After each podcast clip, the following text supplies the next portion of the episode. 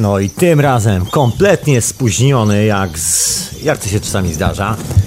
E, pobrałem jeszcze mikrofon, tak w gonitwie nagle się, nagle się okazało, że jest, e, że jest inna pora niż myślałem. Myślałem, że jest zupełnie inna godzina, słuchajcie, myślałem, że jest wcześniej. E, witam was wszystkich w radiu na fali. No i zaczynamy e, z tym lekkim, e, no 8-minutowym opóźnieniem. Ja tu jeszcze sobie szybciutko wszystko przygotowuję. Słuchajcie, nie mam herbaty, nie mam kawy, nie mam nic. Mogę sobie co najwyżej coś skręcić po prostu. E, to jedyne, co mogę zrobić. E, Dobra, to startujemy, słuchajcie, dzisiaj z hiperprzestrzenią. Także dzwońcie szybko po wszystkich swoich znajomych na Skype'ie. Szybciutko mi tutaj dzwonić. Ja tu już się ustawiam e, i zaczynam dzisiejszą hiperprzestrzeń. A ona ma nawet temat. Jak zwykle jestem tu kurde pomiędzy tysiącem notatek w tym wszystkim. Mam nadzieję, że wszystko działa. Tak podpiąłem wszystkie kable. Nie sprawdzałem. Powinno nie wybuchnąć.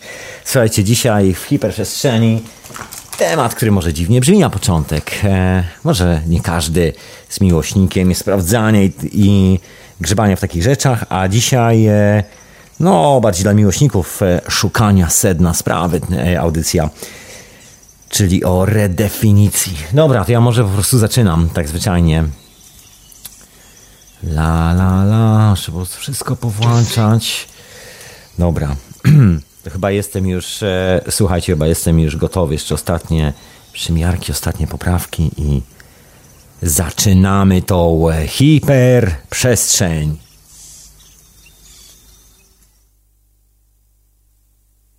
To think for yourself and question authority. Tak więc oficjalnie zaczęliśmy hiperprzestrzeń w Radio na Fali www.radionafali.com retransmitowane też w Radiu Paranormalium. Pozdrawiam słuchaczy Radia na Fali, pozdrawiam słuchaczy Radia Paranormalium. Już wchodzę na czata, słuchajcie. Przede wszystkim e, chciałem zacząć od tego, że jest e, no, koniec miesiąca, początek właściwie nowego miesiąca. I z tej okazji chciałem bardzo serdecznie pozdrowić absolutnie wszystkich mecenasów sztuki falowej. I to nie tak tylko, że mówię, że pozdrawiam, tylko tak po prostu z imienia. Słuchajcie, pozdrawiam Cię Katarzyno, Mateuszu, Rafale, Michale, Panu Jacku, Panie Jacku, e, kolejny Michale, Anonimusie, Rafale, Edwardzie, DSF, HF, e, Łukaszu i Macieju. Pozdrawiam jeszcze jednego Macieja i jeszcze Rafała za wpłaty już w tym miesiącu. Wow, dzięki Wam serdecznie. Są jeszcze mm, e, e, mecenasi na koncie polskim e, Radia na Fali. Jeszcze, jeszcze, nie, jeszcze nie mam informacji kto, co i jak, także przepraszam Was, że Was jeszcze nie wymieniłem i Wam jeszcze imiennie nie podziękowałem. Dajcie mi parę chwil, za chwilę, jutro czy jakoś tak, już powinienem, może dzisiaj wieczorem już powinienem wiedzieć kto, co i jak na polskim koncie się dorzucił do serwerów radiowych. Także tak czy siak, kochani, Peace and Love, wielkie dzięki za wspieranie tej inicjatywy, wspieranie tego projektu zwanego Radiem na Fali. Rewelacja. A wszystkich e, pozostałych zapraszam, żebyście czasami po prostu wrzucili parę groszy na radio, zamiast e, sponsorować amerykańskie korporacje globalne. O, żartowałem, wiem, że nie sponsorujecie globalnych korporacji, chyba że pod przymusem. No dobra. Słuchajcie, mniejsza o to, nie mnie oceniać, nie mnie zajmować się tymi rzeczami. E, Dzisiaj w hiperprzestrzeni temat redefinicja. Za chwilę powiem w ogóle o co mi chodzi z tym słowem redefinicja. Na razie jeszcze chciałem przypomnieć, że już za chwilę, już za momencik, za chwilę, dosłownie, impreza sezonu e, fraktalna.pl, jeżeli ktoś z Was jeszcze nie kojarzy. Na pewno część z Was kojarzy, bo w hiperprzestrzeni ostatnio był Tomek Gruba, który jest organizatorem konwentu wiedzy alternatywnej.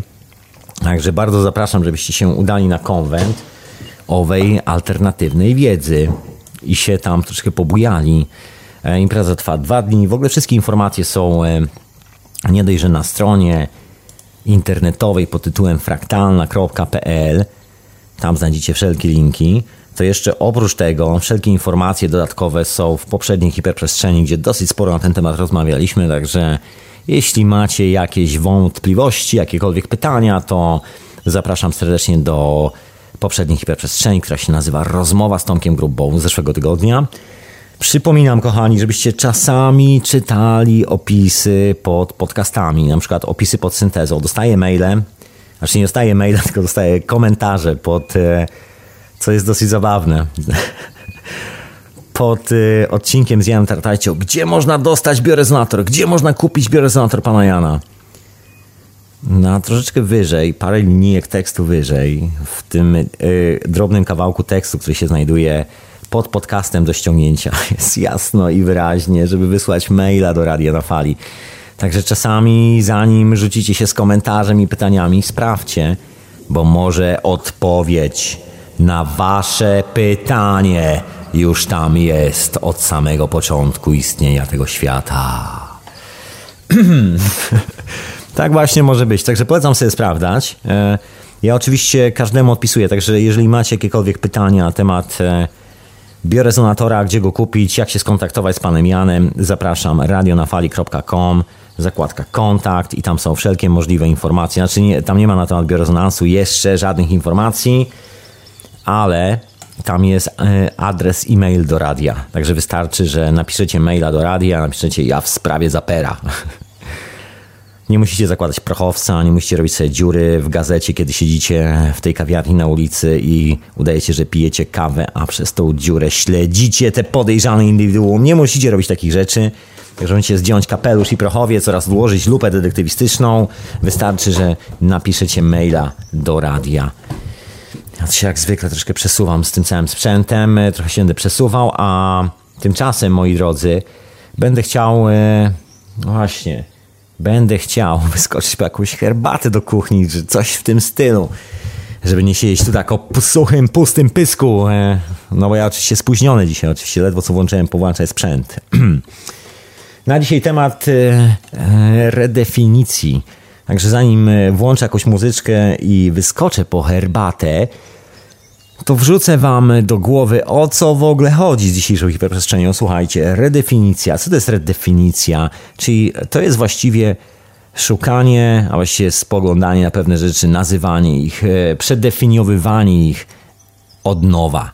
To jest trochę tak, jakbyśmy chcieli, mówiąc w wielkim skrócie, zmienić wszystkie prawa dotyczące naszej rzeczywistości, i zdefiniować je na nowo. Taka nowa definicja to jest redefinicja, taka nowa świecka tradycja. Także dzisiaj o redefinicji, czyli o tym, e, gdzie powinniśmy szukać e, przyczyn naszych problemów, gdzie powinniśmy szukać e, przyczyn jakichś kiepskich sytuacji, gdzie powinniśmy szukać przyczyn dobrych sytuacji, gdzie w ogóle są w rzeczywistości przyczyny tego wszystkiego, co dzieje się dookoła nas, zwanego popularnie życiem. Także dzisiaj o tej redefinicji, bo mi się wydaje, słuchajcie, że odpowiedzi na nasze pytania znajdują się, zdaje się, w innym miejscu niż bardzo często zdaje się to słyszeć z wielu różnych miejsc, z wielu różnych opowieści. Czasami pojawiają się co jakiś czas jakieś idee, które mówią o tym, żeby naprawić świat, żeby zrobić coś niesamowitego, że jest nowa filozofia, jest nowy koncept na rzeczywistość i tak dalej, i tak dalej. Wszystkie te nowe rzeczy, że jest nowy system, który będzie jeszcze lepszym systemem niż ten stary pozostały. No i tak się zastanawiamy czasami, czy warto wykonywać takie zmiany. Czy warto w ogóle iść ten, e, w tą drogę? Czy warto naprawiać błędy, które, no właśnie, które wynikają z tego, że robimy to, co robimy? A może te błędy mają swoją przyczynę zupełnie gdzieś indziej i cała historia wymagałaby zupełnie innego podejścia do wielu spraw, a właściwie do prawie wszystkich spraw. Także dzisiaj dokładnie o tej redefinicji E, zapraszam Was na radiowego Skype'a. Ja tu się już w tym momencie przelogowuję. Dajcie mi jeszcze chwilę, zanim puszczę muzyczkę, jeszcze się zaloguję na tego Skype'a, żeby spokojnie zrobić sobie jakąś herbatę, żeby tu nie usnąć, mówiąc do Was. Nawet już kawki nie mam, wszystko już poszło dzisiaj. Co za dzień? No mam trochę wody. Zwykłej. Także jestem uratowany. Ja tu już się łączę z internetem na Skype'ie. Także za chwilę będziecie mogli zadzwonić do Radia na Fali. ok, ja już chyba jestem, już jestem. Ok.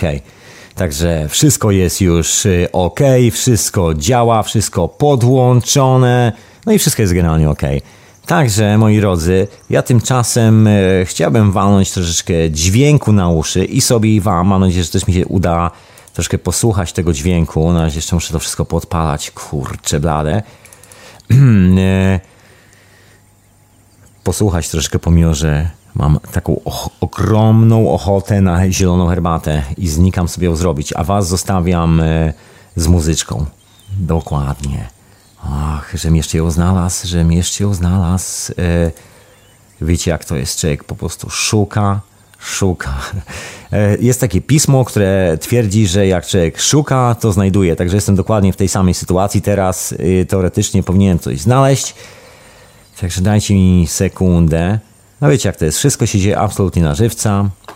W radiu na fali. Retransmitowane też w radiu paranormalnie. Mają na, na imię Tomek, także dzisiaj jeszcze raz przypominam, temat redefinicji pewnych zjawisk dookoła nas.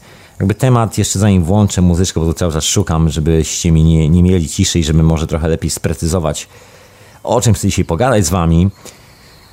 To się wzięło troszeczkę też e, z tego, że aktualnie robię serię podcastów e, pod tytułem pod tytułem Synteza, proszę Państwa. No i jak, jakby z tej okazji garnie się masy refleksji, które dotyczą nie tylko kwestii technicznych, urządzeń, wielu, wielu innych spraw, ale też takich po prostu kwestii czysto życiowych, takich odpowiedzi na pytania pod tym, ok, jeżeli coś nie działa, to powinniśmy to naprawić.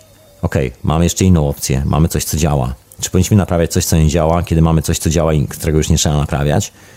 Jaka jest różnica pomiędzy tym, że jedne rzeczy akceptujemy, a o innych rzeczach mówimy, że mm, to tak za bardzo fantazja, nie do końca się opłaca w to wchodzić, zbyt ryzykowne i tak dalej, i tak dalej. A jednocześnie cały czas brniemy w, w ten ślepy zaułek. Skąd to się bierze? E, czy może przyczyną jest to, że szukamy zmian w niewłaściwym miejscu? Szukamy niewłaściwej opcji. Może gdzieś jest ta właściwa. Także dzisiaj w poszukiwaniu tej właściwej opcji o redefinicji bardzo wielu rzeczy dookoła nas, e, począwszy od nauki, o której czasami, no wcale nie czasami, tylko dosyć często wspominamy tutaj w Radiu na Fali. A wy słuchacie Radia na Fali, oczywiście hiperprzestrzeni, ja na imię Tomek, też e, jest to wszystko transmit, retransmitowane w Radiu Paranormalium.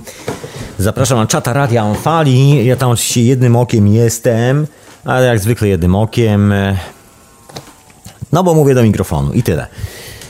I ciężko pogodzić te wszystkie rzeczy naraz. Szczęśliwie udało mi się pogodzić to z, e, z zieloną herbatą, także już mam i nie wyschnę, także mogę Wam spokojnie opowiedzieć, co mi w głowie siedzi w ogóle na temat owej e, redefinicji zjawisk.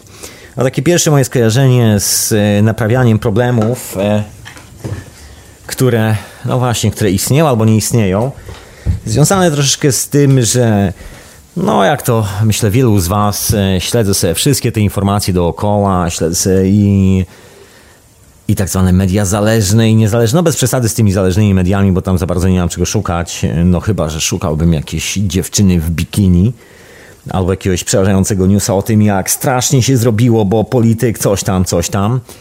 No, ale te rzeczy akurat mnie słabo interesują, absolutnie słabo. No, a tak się przyglądam e, tematom związanym bardziej z poszukiwaniem jakichś rozwiązań na naszą rzeczywistość, tudzież właściwie na bolączki naszej rzeczywistości, począwszy od systemu bankowego, a skończywszy na wielu e, takich potocznych sprawach typu jak zaradzić przestępstwom na ulicy, jak zaradzić temu, tamtemu, jak to wszystko zorganizować. E, także dzisiaj dokładnie o tym. Masz mam pierwszy telefon. Halo, halo. Halo, dzień dobry. Witam serdecznie. Jak zdrowie szanownemu panu? Bardzo dobrze. Doskonale. Jak mnie słychać? Idealnie. Ja pana też bardzo dobrze słyszę. Mhm. E, wysłałem tam li, dwa linki o zaperze, gdzie można w Polsce go kupić. E. kogoś in, interesuje, to można mu umieścić nas pod audycją którąś tam, jak Mm. ktoś pytał. Mhm. Dość sporo tego na Allegro już wisi. Tak, wiem o tym, 10 ale... osób Mhm. Sporo sprzedaje. Wiem o tym, ale chciałem powiedzieć, że tutaj zapery Jana Taratajcio nie są sprzedawane na Allegro. Tych zaperów się na Allegro absolutnie nie kupi i nie ma To takiej w ogóle możliwości. więc nie wiem. E, nie sądzę, żeby... No nie wiem, jeszcze tego nie widziałem, ale wiem, że Jan po prostu... t- To nie są te zapery. Są podobne... robi podróbkę. Tak, to są podobne, ale to nie jest absolutnie Absolutnie od Jana Tartajcio, także może też Może działa. ktoś ten- rozkręcił, rozkręcił od niego i zrobił kopię. Nie wiem. Być może, być tak może. szybko wpisałem w internet tak z ciekawości i wyskoczyło. Być może. No na A pewno nie o- jest to to samo. Ten, a, o, a słyszał pan o... E, właśnie przed sekundą sobie czytam, tylko już sobie tytuł. Mhm. Silnik mikrofalowy, który nie potrzebuje paliwa. Może praktycznie działać w nieskończoność. E, e, Inni naukowcy twierdzili, że to wynalazca, że to nie działa. Chińczycy zrobili kopię, stwierdzili, że działa, a jak NASA usłyszała, że działa, to wzięła od, nauka, od wynalazcy ten silnik, umieściła go na specjalnej hamowni w próżni i potwierdzili, że to działa. Teraz trzeba się głowić, e, łamie podstawowe prawa fizyki. I już stoją w kolejce e, do satelitów, żeby nie trzeba uzupełniać paliwa. Pierwsze zastosowanie. Wyślę linki. Mhm. Słuchaj, to E, śmiało. prawo Newtona zostało złamane. Ten silnik łamie prawo Newtona. Słuchaj, to wysyłaj te linki, ja wrzucę tam na czata i już- wracam do już, naszego e, Właśnie tematu. otworzyłem i e, że e, przetestowali i, i działa. NASA umieściła to na, specjalnym, na specjalnej super czułym hamowni do Mhm. testowania silników. Słuchaj, to może zostawmy ten te temat, Już bo, bo wyślę- dzisiaj właściwie... Mhm. linka, tylko, tylko ja, że o zmianach pan mówił, to yy, yy, zmiana to zrewolucjonizuje podróże kosmiczne, tak w komentarzach. Jest kilka rzeczy, które być może zrewolucjon, zrewolucjon, zrewolucjonizują nasze Ale o życie. to chodzi, że zostało to Ładnie, tak. potwierdzone w sposób e, testowy, że urządzenie stało włączone, sprawdzone na czułych urządzeniach, działa i teraz... Ja myślę, że największym to sukcesem jest, jest to, że po prostu powiedziano o tym publicznie. na Mhm. Myślę, Bo największym- satelita e, na orbicie może żyć około 10 lat, bo on musi ciągle robić korekty swojego położenia niewielkie i zużywa paliwo. Z takim silnikiem satelita będzie działał, dopóki będą działały panele słoneczne. Czyli ponad 30 lat będzie sobie mógł satelita sobie siedzieć na orbicie. Mhm. już są oszczędności kasy, że nie trzeba wynosić co 5 lat nowego satelity, tylko co 20 na przykład. No szczęśliwie ja po prostu nie kupuję żadnego satelity, także na razie jakby Ale problem... to tylko, to tylko, tylko, tylko te, te, Problem z... y, No dobrze się przyznali do tego. Do, E, e, to e, Mhm. e, wiecie, e, o kosmosie też dyskutujemy Mhm. i o rodzajach napędów i innych tego typu rzeczach e, i to też się jakby zalicza do naszych dyskusji. no też, ale to bardziej do syntezy. Do syntezy, gdzie jest na techniczne już rzeczy. przesyłam linki i słucham dalej audycji. Doskonale, to ja wrzucę te linki na czata, także dzięki wielkie za linki, dzięki za telefon. Okej, to był stały słuchacz. Widzicie, nawet w silnikach kosmicznych się coś dzieje. Chciałem tam powiedzieć e, po prostu, że może nie tyle, że sam silnik jest wielkim e, odkryciem, bo wiemy o tych sprawach od 100 lat, o tym, że jest taka opcja, jest taka możliwość.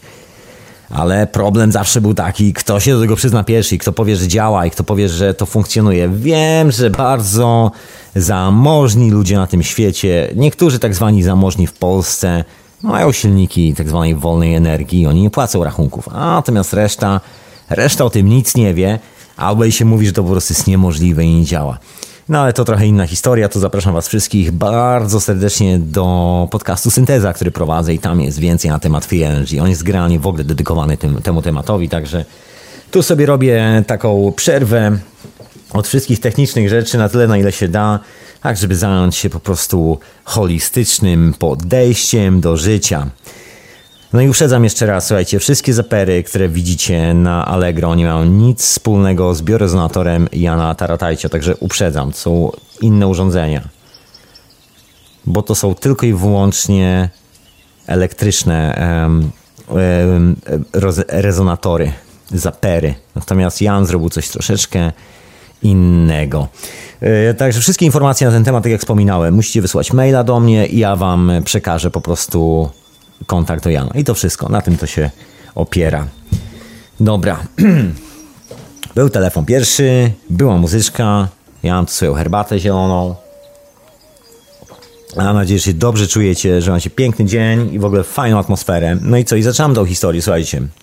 O co chodzi z tą re- redefinicją? Pierwsza rzecz, która, jak wspominałem, że mi przyszła do głowy, to przypomniało mi się opowieści, znaczy nie tyle opowieści, ale zapiski na przykład lekarzy, medyków sprzed 200-300 lat, e, szczególnie tych e, z Królewskiego Towarzystwa Geograficznego, którzy się szlajali po świecie. Kiedyś chyba o tym wspominałem, że na przykład najlepiej jak ukąsi nas żmija w rękę, to trzeba wziąć, rozciąć tą ranę, no może nie tyle wysysać krew, ile posypać prochem strzelniczym i odpalić. No takie pomysły. Granie dobrze, dobrze ręki nie oderwie przy okazji. O, ale jak, a tak czy siak ponoć człowiek ma się wtedy wleczyć. I w ogóle takie dziwne pomysły zalewania rany gorącym olejem. No w ogóle wszystkie takie dziwne rzeczy. E, taka była definicja na ludzki organizm. Takie, tak, taki był pomysł na to, jak to wszystko działa. No i ludzie, którzy sobie ówcześnie żyli, mieli też swoje pomysły, jak to wszystko, co działa, naprawiać. No i jako, że widzieli tylko zewnętrzny efekt, nie za bardzo zdawali sobie sprawy, skąd się te wszystkie sprawy biorą, no to wymyślali właśnie takie rzeczy, jak na przykład polanie sobie rany wrzącym olejem, posypaniem sobie prochem strzelniczym i ostrzelenie razem z ręką. Dobrze, że na przykład człowiek się nie skaleczył w głowie, nie posypał prochem. No. Ta głowa mogłaby się potoczyć, a właściwie przelecieć o parę ulic dalej. Jest wiele przykładów historii mówiących o czymś takim. Jednym z takich fascynujących przykładów jest postać pewnego dżentelmena fizyka, o którym kiedyś wspominałem, ale to właśnie w syntezie i tak dalej, i tak dalej. Pan Boyle z Irlandii, który miał fantastyczną żonę, która o niego dbała i wszystko było ok. On chodził sobie do pracy, do szkoły, która znajdowała się tam 5-6 mil od jego domu. I pewnego razu Mr. Boyle zachorował na grypę. Ja w tamtych czasach było takie przekonanie w Irlandii, w takich porządnych katolickich domach, że choroba przychodzi ze złem i że trzeba to wszystko wypędzić e, to, tą samą metodą, którą przyszło. Czyli jeżeli człowiek się przeziębił, bo szedł w deszczową pogodę w to i z powrotem i go zlało, wiatr go przewiał, nie miał zapera pana Jana i nie mógł się wyleczyć, no to, to trzeba było takiego delikwenta włożyć do łóżka i następnie polewać łóżko zimną wodą. Ten delikwent miał po prostu leżeć w tych drgawkach, w potach, w zimnym, lodowatym, mokrym łóżku. Taki był pomysł na to, żeby wyleczyć. No, żona Boyla tak mu zaserwowała taką kurację. Jak się okazało, Boyle nie przeżył tej kuracji. No i wielu przeżyło taką kurację, także ups, daisy, zdarza się. No ale ludzie naprawdę wierzyli w to, że coś takiego po prostu działa, że tak to wygląda, że, że to jest e, dokładnie najlepsze rozwiązanie wszystkich problemów. No a jeżeli się nie udało, to po prostu taki przypadek, że po prostu się nie udało. Następnym razem się uda. E, słynna polska powieść, gdzie mojego chłopca wkładano do pieca, żeby go pozbawić e, przeziębienia. Okazało się, że pozbawiono go nie tylko przeziębienia, ale też w ogóle pozbawiono go kontaktu z tą rzeczywistością, także jak już wyciągnięto, to raczej bardziej zwłoki. No taka, nie wiem oczywiście, czy jest to prawda, bo jest to lektura szkolna. Nie, nie pisałem tej książki, nie wiem, jakie były rzeczywiste losy tego młodzieńca, który grał na skrzypcach. Przepraszam bardzo, ja tak zwykle poprawiam mikrofon. to przez ten pośpiech. No ale generalnie, słuchajcie, sprawa wydaje się banalnie prosta. Okazuje się, że czasami staramy się użyć bardzo dziwnych metod, żeby rozwiązać nasze aktualne problemy. A już mam kolejny telefon. Halo, halo, krawcze. Halo, halo. Dobry wieczór, witam. Dobry wieczór. Jak zdrówko szanownemu panu? Czuję się świetnie. Doskonale.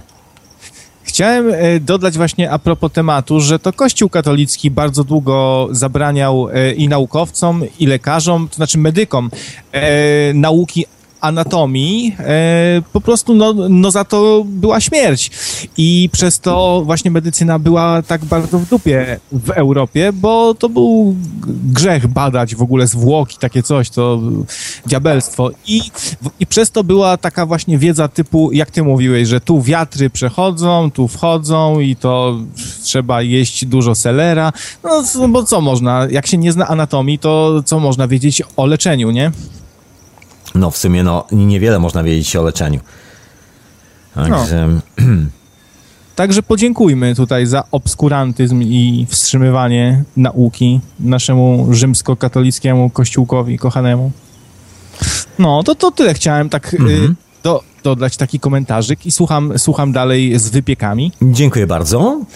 E, to był Messie Krawiec, a ja wracam tutaj do rozmowy. Słuchajcie, bo atakujecie mnie strasznie na Skype'ie, słuchajcie. Naprawdę, kochani, po prostu czasami czytajcie, co piszę przy, e, przy komentarzu do Zapera. Jasno i wyraźnie, jeżeli chcecie złapać kontakt z panem Janem, nie piszcie maili do mnie teraz, kiedy prowadzę audycję i mówię do mikrofonu. Please. mogę głośniej, mogę wrzeszczeć do mikrofonu. Napiszcie maila do Radia na Fali, info małpa radionafali.com. W ten sposób odpowiem na wszelkie pytania, ale nie zasypujcie mnie tym teraz, ludzie. bo przestanę gadać i zacznę wam e, odpisywać po prostu na Skype'ie. I tak się to skończy. Dobrze, żartowałem, nie zrobię tego. Nigdy szybciej was wyłączę ze Skype'a. No, e, to wracam do tej historii. No I po, bardzo podobnie jak ze zdrowiem, e, w średniowieczu nie tylko e, to, o czym wspomniał e, Monsieur Krawiec przed chwilą, że właściwie nie widzieliśmy zupełnie o co chodzi, skąd się biorą wszelkie nasze problemy. No podobnie jest też e, z taką organizacją tak zwaną wiem, społeczną naszego życia. Chociażby system bankowy. Ja czasami sobie śledzę, znaczy nawet nie czasami, tylko w miarę na bieżąco staram się śledzić tak zwane trendy, tak zwane historie tego, co się dzieje w ogóle dookoła, dookoła w ogóle mnie, na świecie. Czy są jakieś nowe idee? Jakie są te nowe idee? Kto co proponuje? I tak dalej, i tak dalej. No i tak sobie śledzę i czasami na przykład trafiam na takie informacje, że hej, zmieńmy na przykład e, prawo na jakieś inne, bo to już nie działa. No i to jest taki chyba pierwszy, myślę, całkiem istotny punkt złapania się za temat redefinicji. No właśnie, że chcemy zmienić sobie prawo. No pierwsza opcja jest taka, że oczywiście wymyślimy kolejne zasady, ale to myślę wszyscy doskonale wiemy o co chodzi. A druga opcja, która czasami jest taką iluzją, e, przynajmniej jest sprzedawana jako coś, co po, powinno zadziałać koniecznie, a dla mnie osobiście jest kolejną iluzją, jest opcja, że z powrotem weźmiemy to wszystko, zbudujemy to od nowa i jak zbudujemy od nowa, to coś w tym wszystkim zadziała. Mi to przypomina taką sytuację, kiedy adwokaci i prawnicy chcą budować nowy, nowy, lepszy świat, gdzie prawo jest bardziej sprawiedliwsze. Normalne jest to, że jak e, ludzie, którzy są częścią tego systemu, tworzą ten system, generują ten system, e, właściwie tworzą podwaliny i masę tego wszystkiego, że to działa. I kiedy oni wyskakują z pomysłem, że trzeba coś zmienić, to troszeczkę jakby wyskoczył, na przykład przynajmniej w mojej percepcji, to trochę jakby wyskoczył taki koleś, który nigdy nie pływał i mówi hej chłopaki, a teraz dla odmiany przepłynę całe jezioro. No wiadomo, że nie przypłynie jeziora, bo człowiek nie ma pojęcia o pływaniu, ale stoi na brzegu, zawsze stał na brzegu, zawsze po prostu tupał nogami, nigdy się nic za bardzo nie udawało z tego tupania nogami. No ale kiedy przyszło do zmian, to jako pierwszy się rzucił, że przepłynie jezioro, chociaż nie potrafi pływać. I podobnie jest e, z tymi wszystkimi zmianami obiecywanymi nam przez ludzi związanymi z establishment. Z reguły większość tych zmian tak naprawdę są to przynajmniej w moim mniemaniu, są takie kosmetyczne przesunięcia w jedną albo w drugą stronę. No bo właściwie koniec końców lądujemy w tej samej sytuacji, że, że pojawia się drugi człowiek, który stwierdza, że będzie robił nowe prawa. Tylko, że tym razem on będzie robił troszkę bardziej sprawiedliwsze prawa i jego prawa będą o wiele lepsze niż te, które były wcześniej i te nowe nas po prostu bardziej zadowolą i uszczęśliwie ucieszą. No i generalnie nasze życie będzie o wiele lepsze. Ja tak się zastanawiam, czy rozwiązaniem na przykład na politykę jest e, chodzenie na wybory, jest szukanie, szukanie liderów. No moja opcja jest taka, że właściwie całe problemy, jeżeli nie ten jeden wielki problem, wrzut na tyłku bierze się dokładnie stąd, e, że zaufaliśmy właściwie takim kolesiom i że w ogóle są tacy kolesie, którzy przejmują rolę decydowania o naszym życiu, w jakimkolwiek aspekcie te, tej historii, która się dzieje dookoła nas.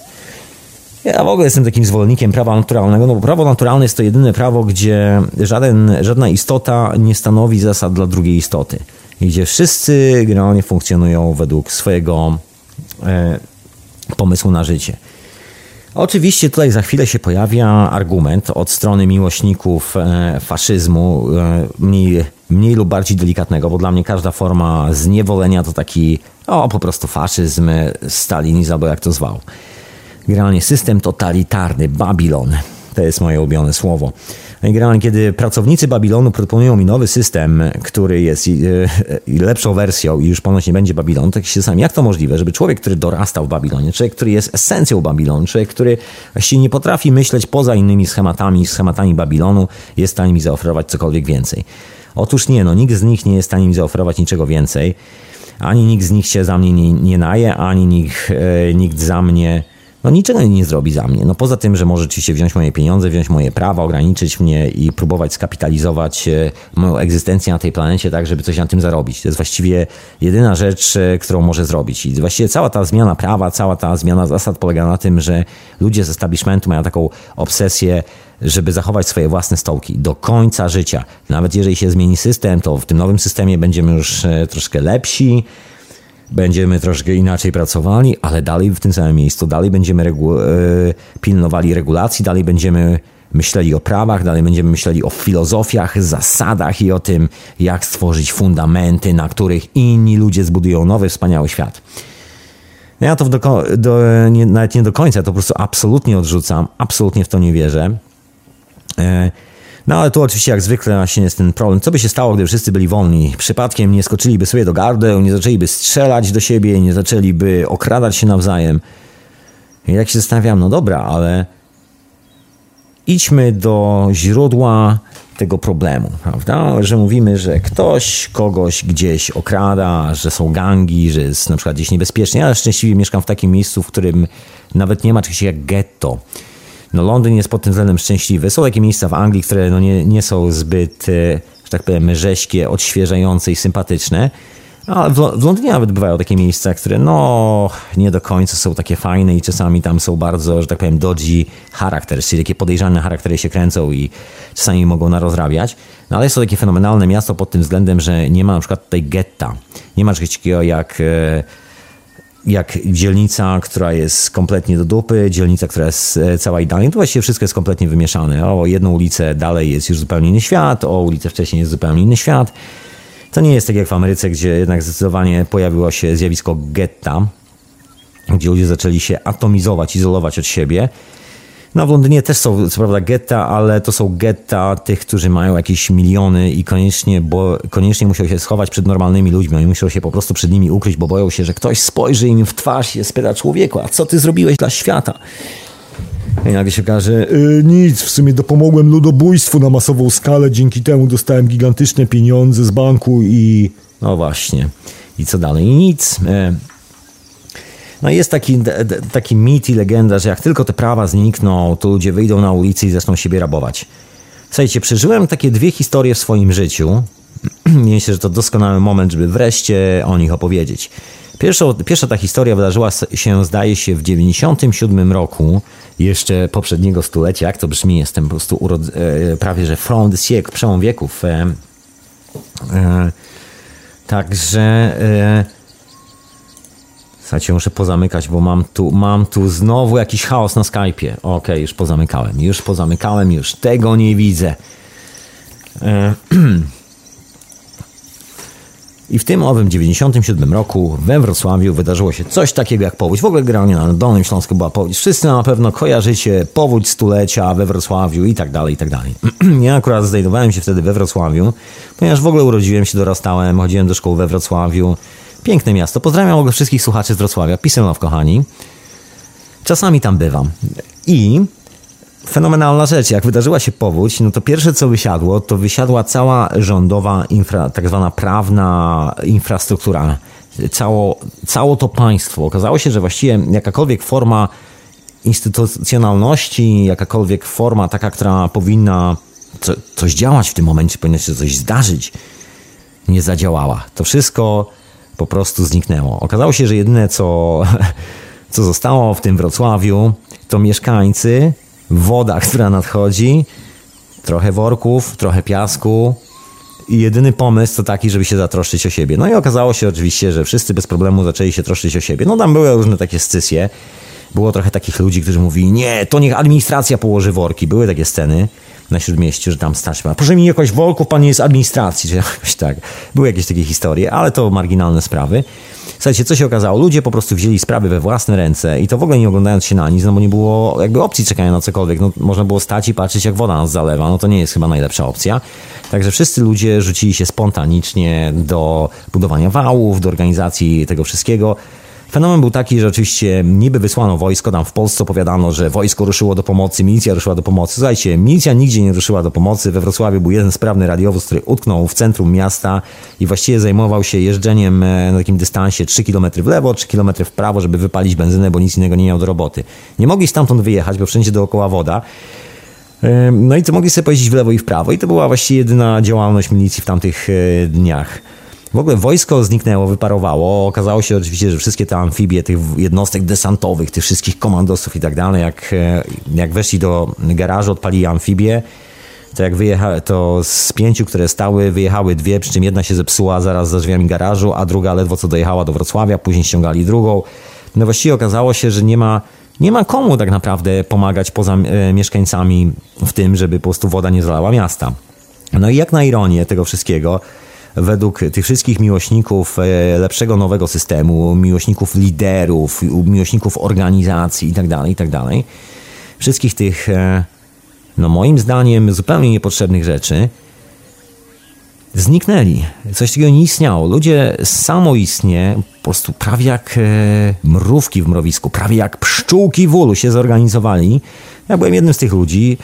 Zaczęli sobie podawać informacje, były już telefony komórkowe, także można się było dodzwonić do siebie nawzajem, e, przekazać gdzie jest, co trzeba pomóc, ile worków i tak dalej. Nagle okazało się, że ludzie samodzielnie sobie świetnie radzą właściwie cały Wrocław, co by tu dużo nie mówić, został urato- uratowany przez mieszkańców, a nie ani przez żadne wojsko, ani przez żadną policję, ani żadne specjalne oddziały szybkiego reagowania, które miały pomóc przy powodzi. To wszystko, słuchajcie, wysiadło. Ci ludzie się dopiero pojawili, jak e, woda zaczęła odchodzić z miasta i ludzie zaczęli schodzić z wałów. Dopiero wtedy pojawiło się wojsko i milicja.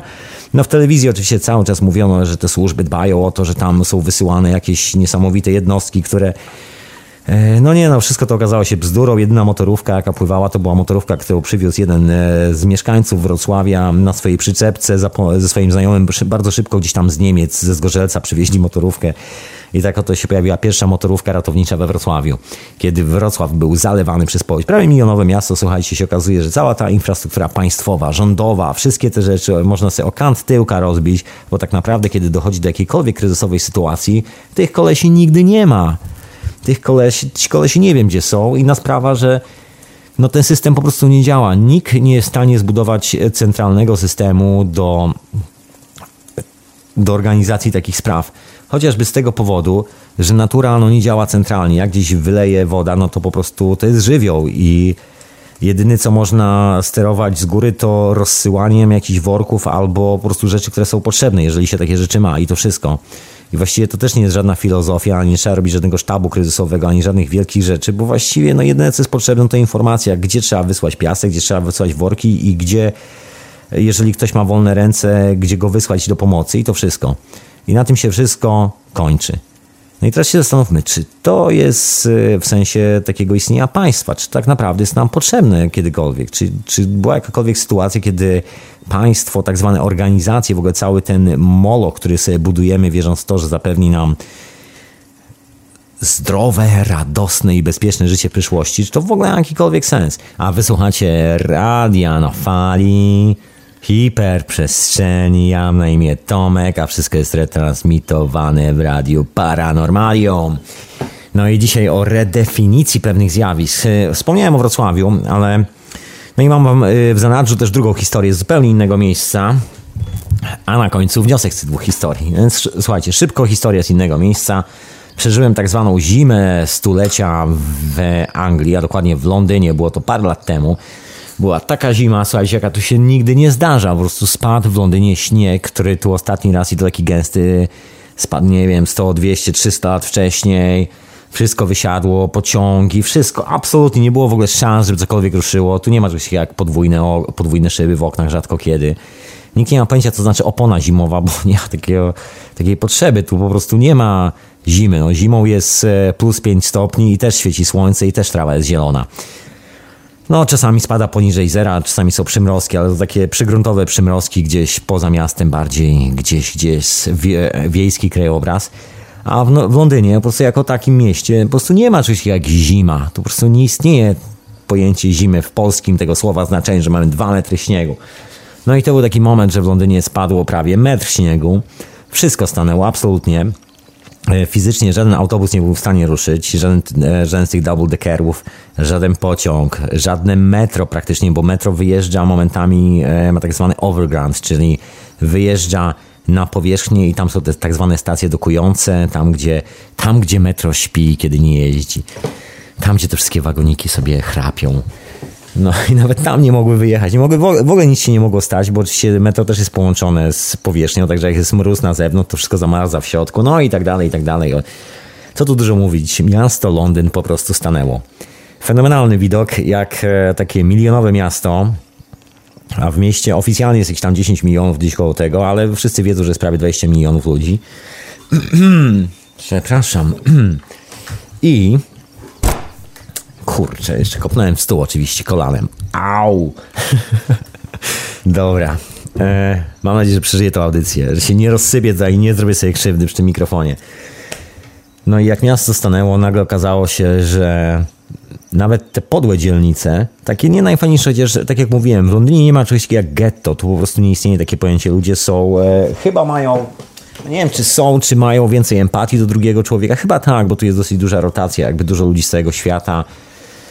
Nikt e, za bardzo nie chce robić nerwowych sytuacji, bo i po co. Za duże miejsce, po prostu nerwowa sytuacja bardzo szybko wraca do człowieka. Karma tu działa naprawdę w tempie ekstremalnym w tym mieście, także inna sprawa, że nikt by nie wytrzymał, gdybyśmy wszyscy skakiwali sobie na plecy tutaj nawet jednego dnia.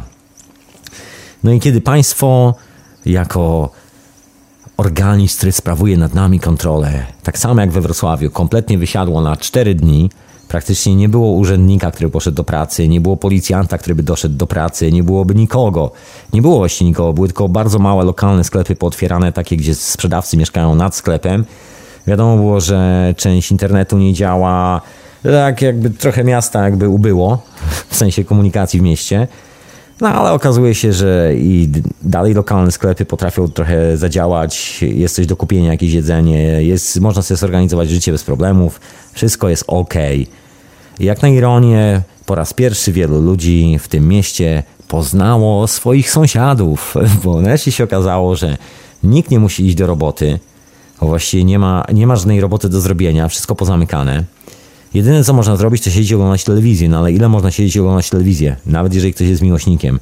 Większość ludzi po prostu zafascynowana śniegiem e, wyszła po prostu z domu. Inna sprawa, że połowa tego miasta w życiu nie widziała takiego śniegu na oczy, bo połowa tego miasta dorastała na przykład pośród palm, albo w ogóle pochodzi gdzieś stamtąd, gdzie w ogóle śnieg jest e, czymś, co widnieje tylko na zdjęciach, w podręcznikach, no chyba, że człowiek sobie zorganizuje wycieczkę gdzieś w takie śnieżne miejsce. No ale normalnie nikt, e, nikt z tych ludzi po prostu nie widział śniegu w swoim życiu, także fascynacje gigantyczne. No i właśnie ten element, że wszyscy wyszli z domów, zaczęli się rzucać śnieżkami, ludzie zaczęli ze sobą rozmawiać, jeżeli ktoś miał jakiś alkohol, to po prostu wynosił go dosłownie na ulicę. To było po raz pierwszy od chyba 30 lat, kiedy w Londynie na jakiś czas wróciły, no może nie street party, bo takiego street party no to może dużego nie było, no ale kilka takich imprez e, na ulicach, jak wszyscy sąsiedzi wyszli, zaczęli się dzielić e, drinkami i tak dalej, i tak dalej. A było to, to chwilę przed e, świętami. W ogóle atmosfera była niesamowicie fajna. Nagle się okazało, że jest taka drobna refleksja, tak, taka sama, która, która towarzyszyła mi tej historii we Wrocławiu po powodzi, bo po powodzi we Wrocławiu, jak już przyjechały nawet te służby, to one właściwie nie za bardzo wiedziały, co robić, bo jak to w Polsce, wszyscy są tak zorganizowani, że no, wszyscy wiecie o co chodzi. Ja tu nawet nie będę strzępił swojego języka nadaremnie.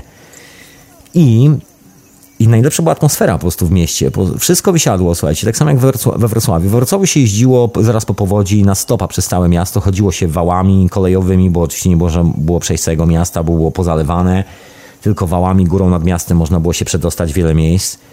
Jedyna komunikacja właśnie jaka była, to samochody pasażerskie. Po prostu ludzie, którzy zdążyli zatankować samochód, dojechać do Wrocławia i się poruszali e, po prostu po Wrocławiu, e, zbierając po drodze tych, którzy musieli gdzieś tam dojechać. Wystarczyło tylko stanąć na drodze, pomachać ręką i jeżeli ktoś miał jakieś miejsce w samochodzie, zatrzymywał się pytał się, gdzie jedziesz? Bo ja jadę na, przykład na Krakowską, to może cię podrzucę. Słuchajcie, nagle w ciągu dosłownie 24 godzin pojawiła się empatia, która w mieście Wrocław wcześniej po prostu w ogóle nie istniała.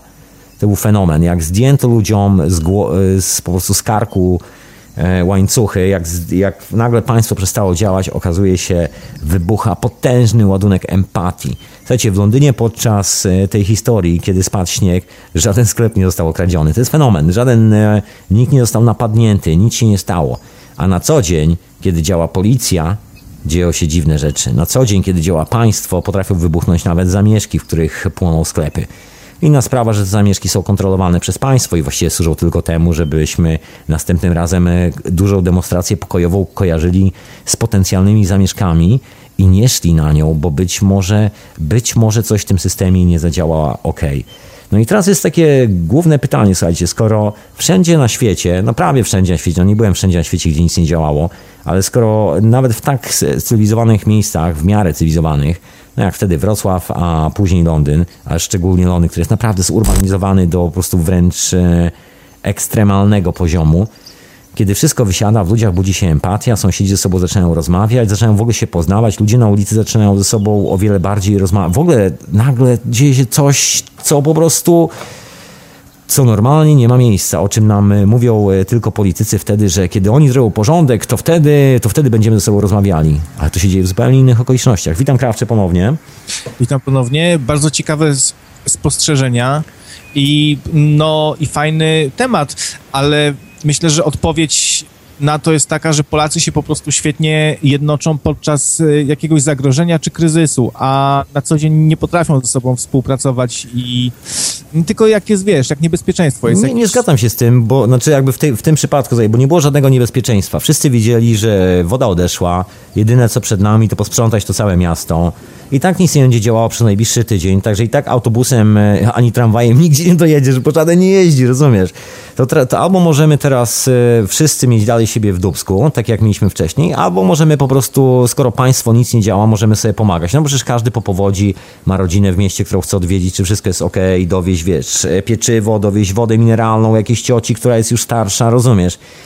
I tak dalej, i tak dalej. Co, ja pamiętam przypadki, że ludzie na przykład od razu pierwsze, co się działo, to to zaopiekowanie się wszystkimi starszymi ludźmi w bramie, jak nadchodziła powódź.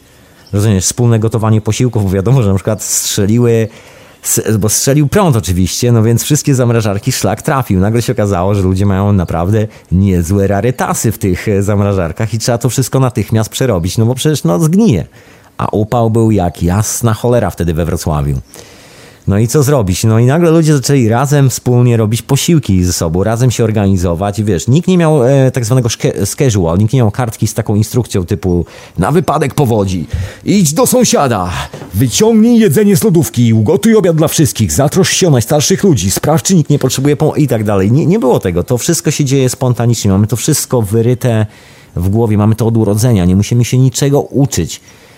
Tylko w tych momentach zagrożenia, ja myślę, że to nawet nie chodzi o momenty zagrożenia z tym jednoczeniem się. Taka jest moja refleksja. To naprawdę nie ma z tym nic wspólnego. Myślę, że chodzi dokładnie o to, że w momencie zagrożenia pierwsi spieprzają e, tak zwani liderzy i ci, którzy, wiesz, generują władzę. Jak oni spieprzą piersi, to nagle się, okazuje, że, nagle się okazuje, że ktoś nam ściąga po prostu homonto z pleców i te łańcuchy, wiesz, nam spadają z rąk i z nóg i nagle się okazuje, że sami się lepiej organizujemy niż kiedykolwiek wcześniej. Jak na ironię zawsze są to czasy takie dosyć krytyczne, bo władza odpuszcza tylko wtedy, kiedy może dostać po zębach. Mhm. A mi się wydaje, że to może chodzić trochę też o pretekst taki, że po prostu jest, y, jakby to powiedzieć, okazja, żeby e, e, właśnie tak jak mówiłeś odezwać się do sąsiada swojego. E, po prostu okazja i pretekst. Może Polacy w głębi duszy są trochę lepsi mm, niż na zewnątrz i potrzebują takiego wyzwalacza trochę. Żeby nich to wyszło, to lepsze. Nie wiem.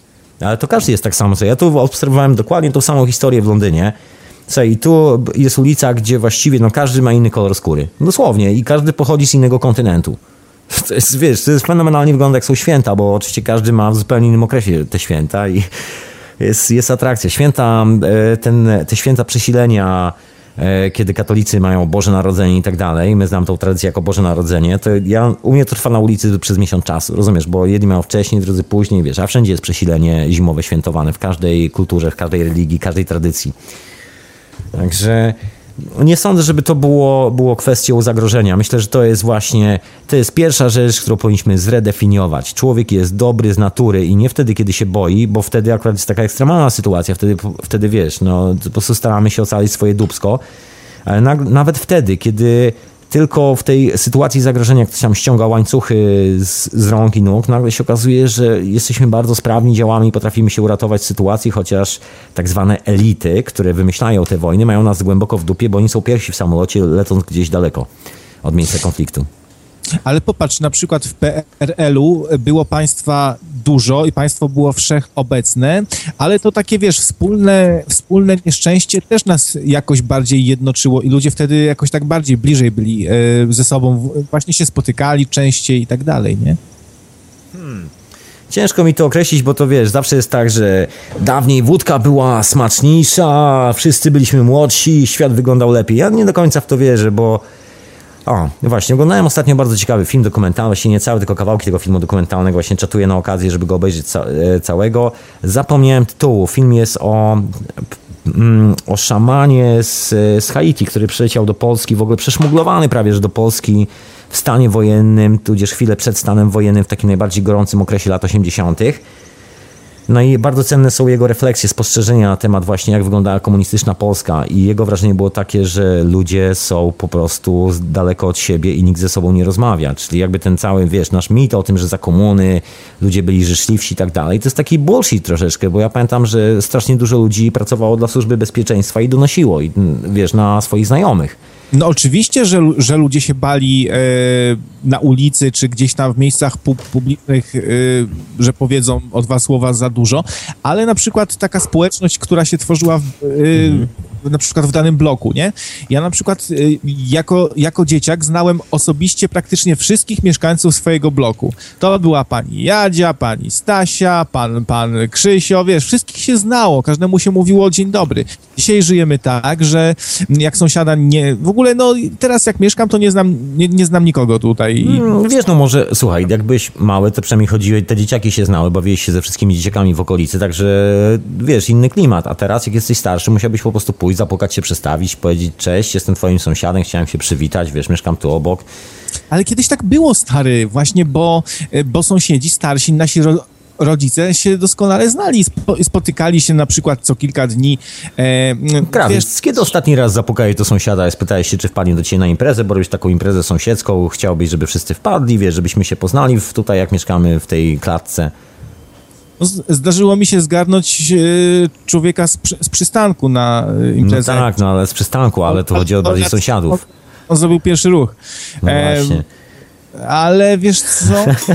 Bo to można zrobić, wiesz, to nie jest, e, to nie jest problem. Ja nie chcę, ja nie chcę właśnie. No, to, to dlaczego masz pretensje, jak nie chcesz? Nie mam pretensji, no. ja jestem po prostu tutaj badacz e, spo, społeczny, badam społeczeństwo, a sam jestem zapyziały buc i, i nie pójdę do, też do sąsiada. Rozumiem. Znaczy właśnie Słuchaj, ale, to, ale no tak się tu, wiesz, no pół żartem, pół serio, ale naprawdę nie, nie czuję teraz takiej, takiej potrzeby. Yy, może jest za stary, może faktycznie człowiek jest młodszy, to odczuwa taką potrzebę, żeby się ze wszystkimi zapoznać i spędzać fajnie czas. No, no ja mam to cały czas, nie. także jak idę, to mówię sąsiadom dzień dobry w okolicy, bo to moi sąsiedzi są tutaj, wiesz, no bez przesady, że bez jaj, no, jak człowiekowi na ulicy nie powiedzieć dzień dobry, tym bardziej, że to mój sąsiad, który mieszka, wiesz, dwa domy dalej. A przyjaźnisz się z wieloma sąsiadami od siebie tak na tyle, że tam się spotykasz, zapraszasz, czy idziesz w odwiedziny? Wiesz co, z, ci akurat, z którymi byłem e, w ten sposób, e, tak, no miałem takich sąsiadów, że razem jeszcze robiliśmy potężne imprezy, takie na, na całą ulicę, ale się już wyprowadzili. Ci nowi mają dzieci, także są troszkę zajęci, żyją w innym trybie, także się nie, nie imprezujemy się razem. Ale, ale wiesz, ale jest fajny kontakt jakby międzyludzki taki, że wiesz, no widocznie nie musimy się na razie imprezować, ale podejrzewam, że jakby po raz kolejny coś w Londynie wysiadło i to miasto stanęło, to byśmy zrobili dużą imprezę. Wiesz co, moglibyśmy nawiązać też do do Woodstocku, który się właśnie teraz odbywa. Mm, I don't know, bo widzisz, bo mnie po prostu... To jest ciekawa sprawa, bo tam się ludzie właśnie co roku spotykają i na reportażu nawet podkreślali to, że to jest takie miejsce, gdzie można podejść i przytulić się do człowieka, albo jak przechodzi ktoś zapytać się, co tam u ciebie, wszystko sobie, słuchaj, dają, nie, nikt tam od nikogo forsy nie bierze, tylko jak potrzebujesz, to ci ktoś da. Tam, jest, takie, jest taki festiwal, który się nazywa Burning Man w Stanach jest robiony od prawie już 20 lat i to jest właśnie taki festiwal, na którym jest zakaz używania pieniędzy, zakaz w ogóle, wiesz, handlu i tak dalej, takich rzeczy. Tam po prostu reguły, które normalnie nazywamy regułami społecznymi, które niby budują tą całą cywilizację, w ogóle nie działają. I tam się wydarzają jeden z najbardziej spektakularnych, prestiżowych e, performersów aktualnie, które się wiesz, dzieją na świecie, jeżeli chodzi o takie wystawy po prostu dużych instalacji. Jest niesamowita impreza, którą przyjeżdża chyba parę milionów, nie wiem, no teraz chyba z milion ludzi przyjeżdża to. Jest praktycznie powstaje na środku pustyni. Warunki są ekstremalne, plus 50 stopni, żar z nieba, burze piaskowe i przyjeżdżają miliony ludzi po to, żeby w tym ekstremalnym miejscu spędzić 5 e, dni w ogóle bez żadnych praw. I fenomen jest taki, że to miejsce funkcjonuje, wiesz, to nie jest e, przystanek Woodstock, to nie jest, no na przystanku Woodstock panują jednak jeszcze jakieś, wiesz, prawne zasady, natomiast tamto jest miejsce po prostu wyjęte kompletnie spoza jakichkolwiek zasad i jest, to jest naj, chyba największy i najbardziej prestiżowy festiwal, chyba najfajniejszy, taki, najfajniejsza impreza na świecie aktualnie. Kolejna taka impreza to jest Boom Festival w Portugalii, gdzie też rządzą bardzo podobne zasady. Jest to po prostu, wiesz, no taka redefinicja rzeczywistości. Zamiast odtwarzać to, co mamy na co dzień, to to nas korumpuje i doprowadza, że nie mówimy dzień dobry sąsiadowi, że trzymamy się z daleka od ludzi zajmujemy się tylko i wyłącznie własnymi sprawami. Taka pełna atomizacja naszego życia. Tam jest zupełnie odwrotnie. Właśnie tylko dlatego, że nie ma tutaj karbu e, jakiegoś psychopaty, który twierdzi, że jest liderem i że nam wymyśli jakieś prawo, według którego mamy, wiesz, wszyscy teraz jechać do Iraku i strzelać do kogoś. No, ciekawe, ale myślę, że Woodstock też jest fajny. I to... Nie, nigdy nie byłem, także wiesz, ciężko mi, niewiele wiem o Woodstocku, natomiast nie byłem też na Burning Manie, ale z kolei z, słyszałem o wiele, wiele o Burning Manie po prostu z, z tak zwanej pierwszej ręki bezpośrednio widziałem instalacje stamtąd i tak dalej, także temat jest mi troszkę bardziej znany, bo Woodstock to zupełnie nie kojarzę, proszę pana.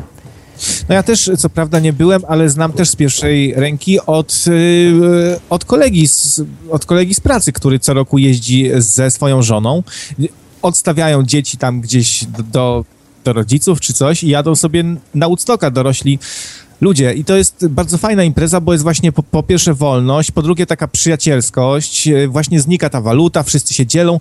To mi się to kojarzy trochę z takim y, zachowaniem człowieka, który robi sobie święto, nie? I raz na rok będzie dla wszystkich dobry, raz na rok będzie, y, nie będzie wyrachowalny, będzie hojny, dobry i tak dalej. No i to też jest trochę takie dla, dla młodych taki czas, że cza, czas takiego wyjątku, nie? I don't know. Znaczy nie do końca widzę to jako taki specjalny wyjątek i że są ku temu właśnie takie przyczyny, jak mówisz. E, inna sprawa, że wiesz, no w, może w Polsce nie ma zbyt wielu festiwali tego typu. W Anglii, która jest właściwie krajem festiwali, to chyba jest po prostu festiwal z tej tradycją narodową praktycznie, takich festiwali typu, wiesz, Woodstock jest parę. I jest wiele tak zwanych, można nazwać alternatywnych festiwali, które są właśnie tak organizowane, że dzieją się na prywatnych farmach Także prawo jakby tam nie zagląda, rozumiesz? To jest wszystko po prostu dzieje się na prywatnym terenie, jest to impreza zamknięta, także nie masz obowiązku informować, jakby poza tym, że zgłaszasz, że masz imprezę u siebie, jeżeli musisz. I dzieje się masa takich właśnie imprez, ludzie ze sobą rozmawiają, wymieniają, są prelekcje, są koncerty, jakby to jest taki właściwie powiedziałbym, część życia na wyspach. Jeżeli jesteś tutaj nastolatkiem, to generalnie przez całe wakacje włóczysz się po festiwalach. Na końcu wracasz wiesz, do tego dużego miasta, masz tą swoją rękę, na której masz te wszystkie bilety do festiwali, bo one są jak takie obrączki, prawda, przypinane i wiesz, ludzie mają pęki tych obrączek. Widać, że człowiek był na 20-30 festiwalach w ciągu, w ciągu ostatnich dwóch miesięcy. Właściwie mieszkam na festiwalach i tak się podróżuje z festiwalu na festiwal właśnie dlatego, że no to są takie normalne miejsca, wiesz, po prostu ludzie już w tym momencie wracają do jakiegoś normalnego stanu funkcjonowania, wracają do prawa naturalnego, wracają do normalnych relacji między sobą, które nie są skorumpowane tym, że pomiędzy mną a tobą ciągle próbuje stanąć jakiś świr, który nazywa się politykiem, prawnikiem, e, ekonomem, żołnierzem i policjantem. Tylko dlatego. Sir, sir no to ja też wracam do dokładnie do rysowania zwierzątek, bo właśnie narysowałem dinozaura. Słuchaj, no słucham cię i rysuję dinozaura. Co, co to może znaczyć? Powrót, y, powrót do natury, słuchaj, powrót do natury. Aha. Rysujesz dużą kurę. Faktycznie trochę jak kura wygląda sobie, bo zrobiłem taki na razie sobie obrys, ma taki kształt jak kura trochę. Sobie, bo to genetycznie jakbyś chciał porównać kod e, dinozaurów, DNA, do żywych istot, które łażą po tej planecie, to wiesz, to jest najbliżej? Tak na, tak na 99% praktycznie. Przecinek 999. Kury, o. proszę pana, kury. Dinozaury to kury. Park Jurajski, oglądało się Park Jurajski, no tak. Nie wiem, ja akurat nie, nie oglądałem właśnie Park Jurajski, ale czytałem o tym. Kury generalnie znają najbliższy kod genetyczny do, do dinozaurów. Dlatego, że to teraz się okazuje, że znajduje się jakiś tam z kamieni dinozaurów z piórami między innymi. I to nagle wyjaśnia sprawę.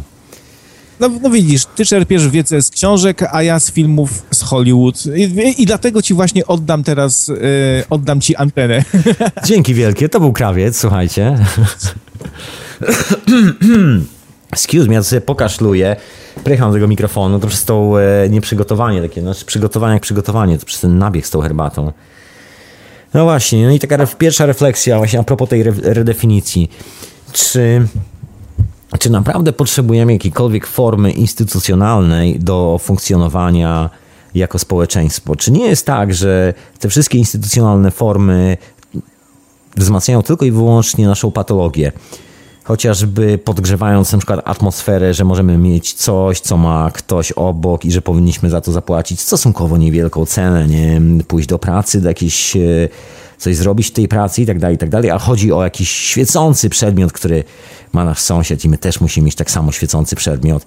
No i nagle właściwie okazuje się, że to cała instytucja służy tylko i wyłącznie do podgrzewania, tak mi się wydaje, naszego naj, e, takiego najbardziej parszywego elementu, czyli takiego chcieństwa, które, które jest związane z naszym ego, że po prostu na naszych rządzach. Cała ta kontrola społeczna, całe to szaleństwo w poszukiwanie nowych schematów na człowieka, żeby zbudować tak, tak, taki mechanizm, że po prostu sam siebie będzie zarządzał i wszyscy będą chodzili do pracy i będą szczęśliwi.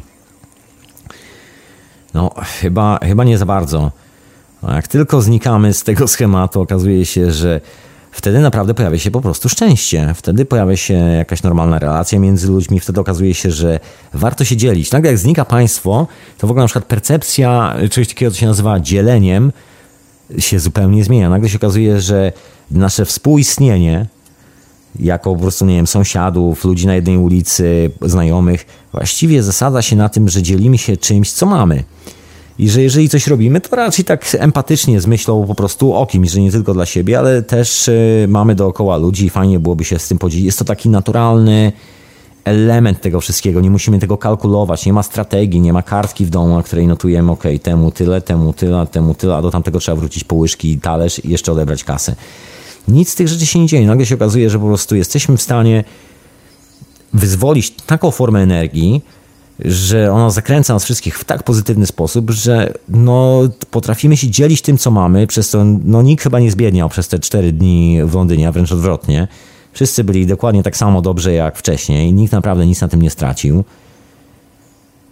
Poza tym, że zyskał. Zyskał ten jeden moment świadomości, że dookoła też są ludzie, że nie ma problemu z tym, że, że są przedmioty, że naprawdę są ludzie i że to ma swoją bardzo poważną wartość. Bo jak wszystko wysiądzie, to jedyne co można zrobić, to po prostu pójść do sąsiada i powiedzieć, cześć sąsiad, właśnie mi wszystko wysiadło. A sąsiad powie, cześć, mi właśnie też wysiadło. Tomek jestem, jestem ktoś tam. No i tak się zaczyna hi nowa historia nowego rodzaju ludzkiego, dokładnie od tego momentu. I właściwie te rządy, te wszystkie zasady są tylko po to, żeby nas trzymać od tego z daleka. Tak samo jest, podejrzewam, no to jest moja refleksja z, z technologią i na przykład rozwiązaniami open source Każda idea jest tak samo e, dobra, jeżeli jest dobra dla każdego wszędzie do ugryzienia, a nie kiedy jest po prostu lokalna. No to możemy wrzucić tutaj kwestię chociażby walut, wszystkich pieniędzy i, i, takich spraw.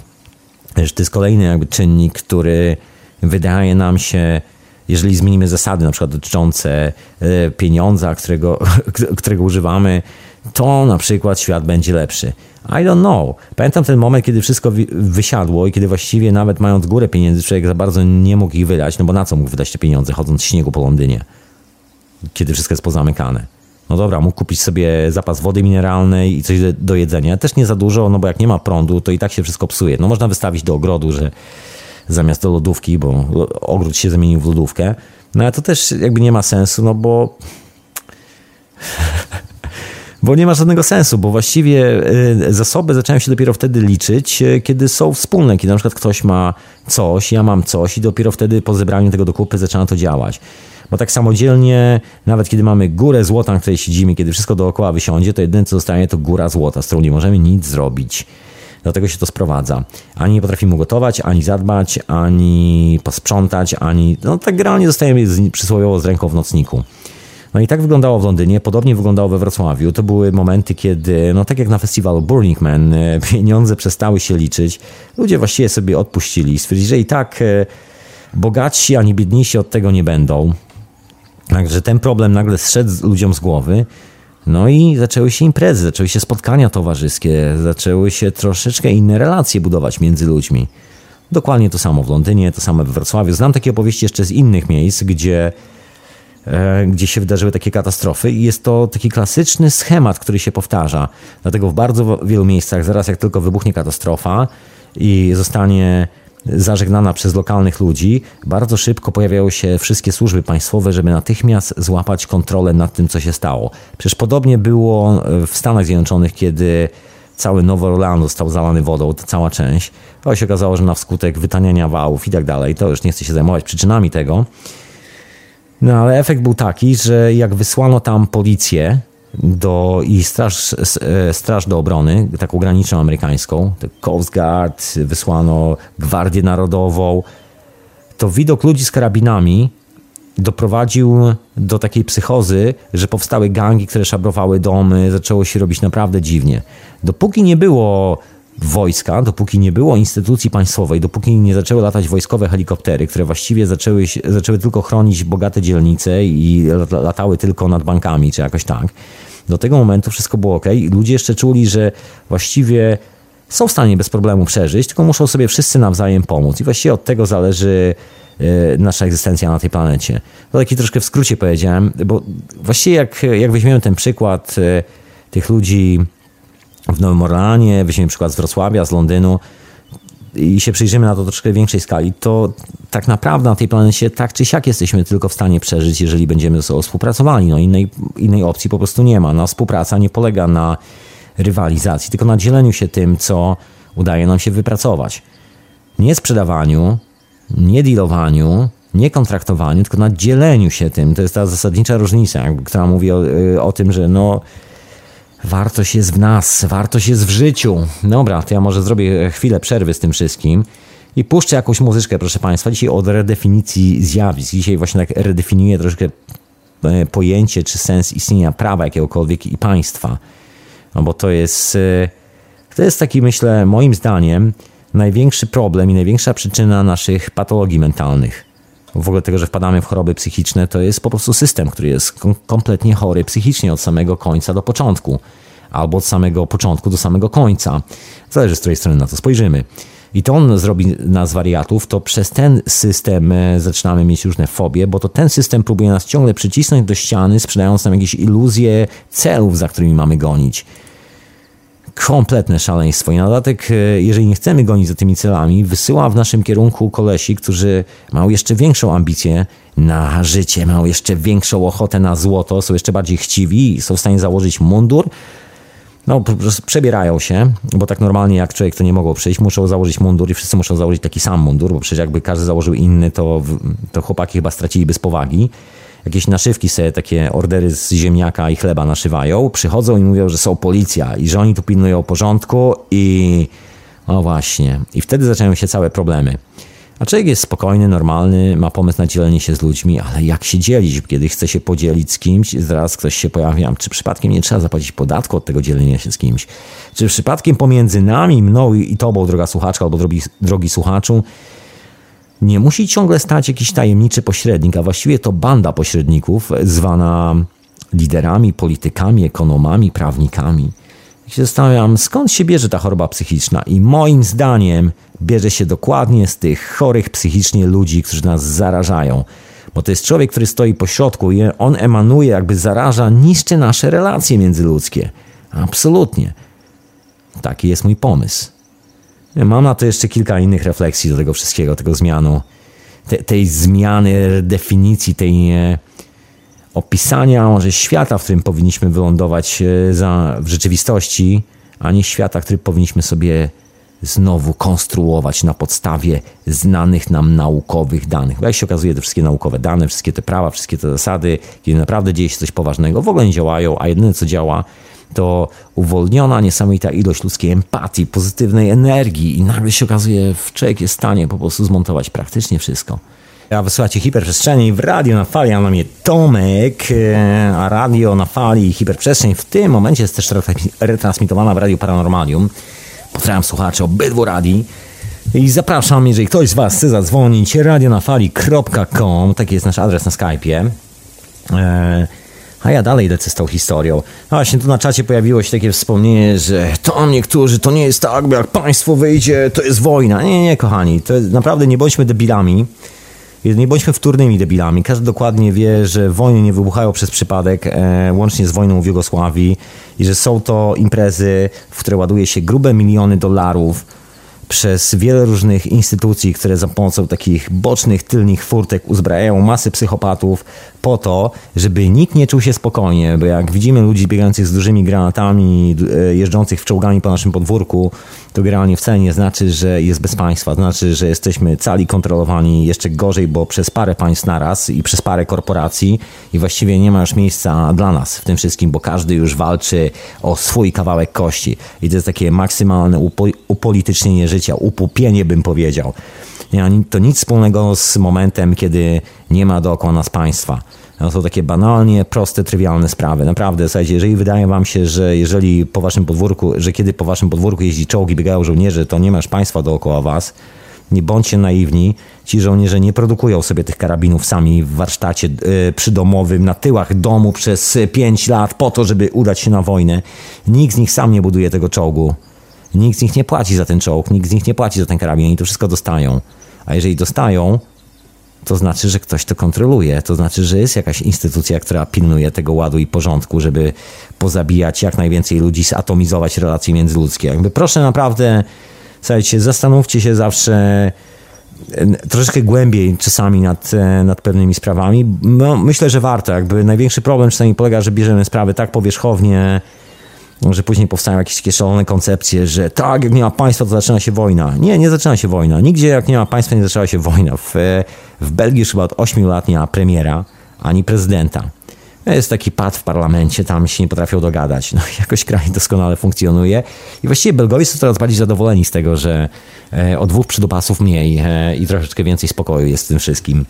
Nagle się okazuje, że no nie ma wojny w Belgii, pomimo, że właściwie rząd jako taki nie istnieje. Znaczy jest parlament, jest Sejm, jest właściwie są jakieś tam authority, ale jakoś nikomu głos, włos z głowy nie spadł z tego powodu. Także no takie banalne, trywialne sprawy po prostu. No ale też y, inna sprawa, czy właśnie w co chcemy uwierzyć, no i czy wierzymy w to, że człowiek z natury zły, czy po prostu sami jesteśmy napędzani strachem. Myślę, że to cała definicja rzeczywistości w jakiej żyjemy i to, że na przykład wydaje nam się, że jak e, zniknie państwo, zniknie policjant e, z naszego rogu, to od razu zacznie się wojna i od razu będzie dramat, od razu będzie katastrofa. Czy to nie jest przypadkiem tak, że to my jesteśmy zaprogramowani na tą katastrofę, bo no, dziecka jesteśmy prasowani takim e, sztandarowym modelem, że tylko wtedy, kiedy jest psychopata w mundurze obok ciebie z dużym karabinem, tylko wtedy możesz czuć się bezpiecznie. W rzeczywistości to jest ostatni moment, kiedy powinniśmy się czuć bezpiecznie. No, jak obok stoi psychopata z bronią, której nawet sam nie zrobił, psychopata opłacany przez innego psychopatę, który reaguje na rozkaz tego drugiego psychopaty, który płaci za to wszystko, jak tu można się czuć bezpiecznym? Widzieliście tego kolesia, który mu płaci? Bo ja nigdy nie widziałem tego kolesia, nigdy go nie poznałem, nie wiem o co chodzi, nie znam tych praw, nie za bardzo tego łapię, a nagle mam się czegoś pilnować, prawda? Hmm. I że niby to jest e, zdrowe podejście do życia. Mamy, słuchajcie, troszkę wyprany mózg, bo za, taką, za taki standardowy model uznajemy zawsze sytuację, przynajmniej bardzo często uznajemy sytuację z tak zwanymi authority, z tak zwanymi liderami, że jest potrzebny gdzieś mentor, że jest potrzebny lider i tak dalej. Ja się tak zastanawiam, czy ktokolwiek z Was, idąc do toalety, potrzebuje lidera, czy jakiś lider jest w stanie lepiej to za Was zrobić? Otóż nie. I dokładnie jest tak samo z naszym życiem i ze wszystkimi innymi relacjami dookoła. Tylko, że jest taka patologia, w której dorastamy. Jeżeli nikt z Was fizycznie nie przeżył na przykład e, takiej sytuacji, gdzie nie ma pieniędzy, nie ma państwa, ta cała infrastruktura nie działa i tak dalej, to, to czasami sobie trudno to wyobrazić. No bo jesteśmy napędzani takim potwornym strachem. Przecież wszystkie hollywoodzkie filmy zawsze pokazują, że jak tylko państwo znika za rogiem, to od razu pojawiają się szabrownicy, od razu pojawia się wojna, od razu pojawia się katastrofa, nienawiść, złość, przemoc i agresja. A w rzeczywistości jest zupełnie inaczej. Moment, kiedy państwo znika, nagle okazuje się, że wszyscy wracają do normy, że jest pokojowo, że nie ma żadnych problemów, że ludzie zaczynają ze sobą współpracować, że jest miło.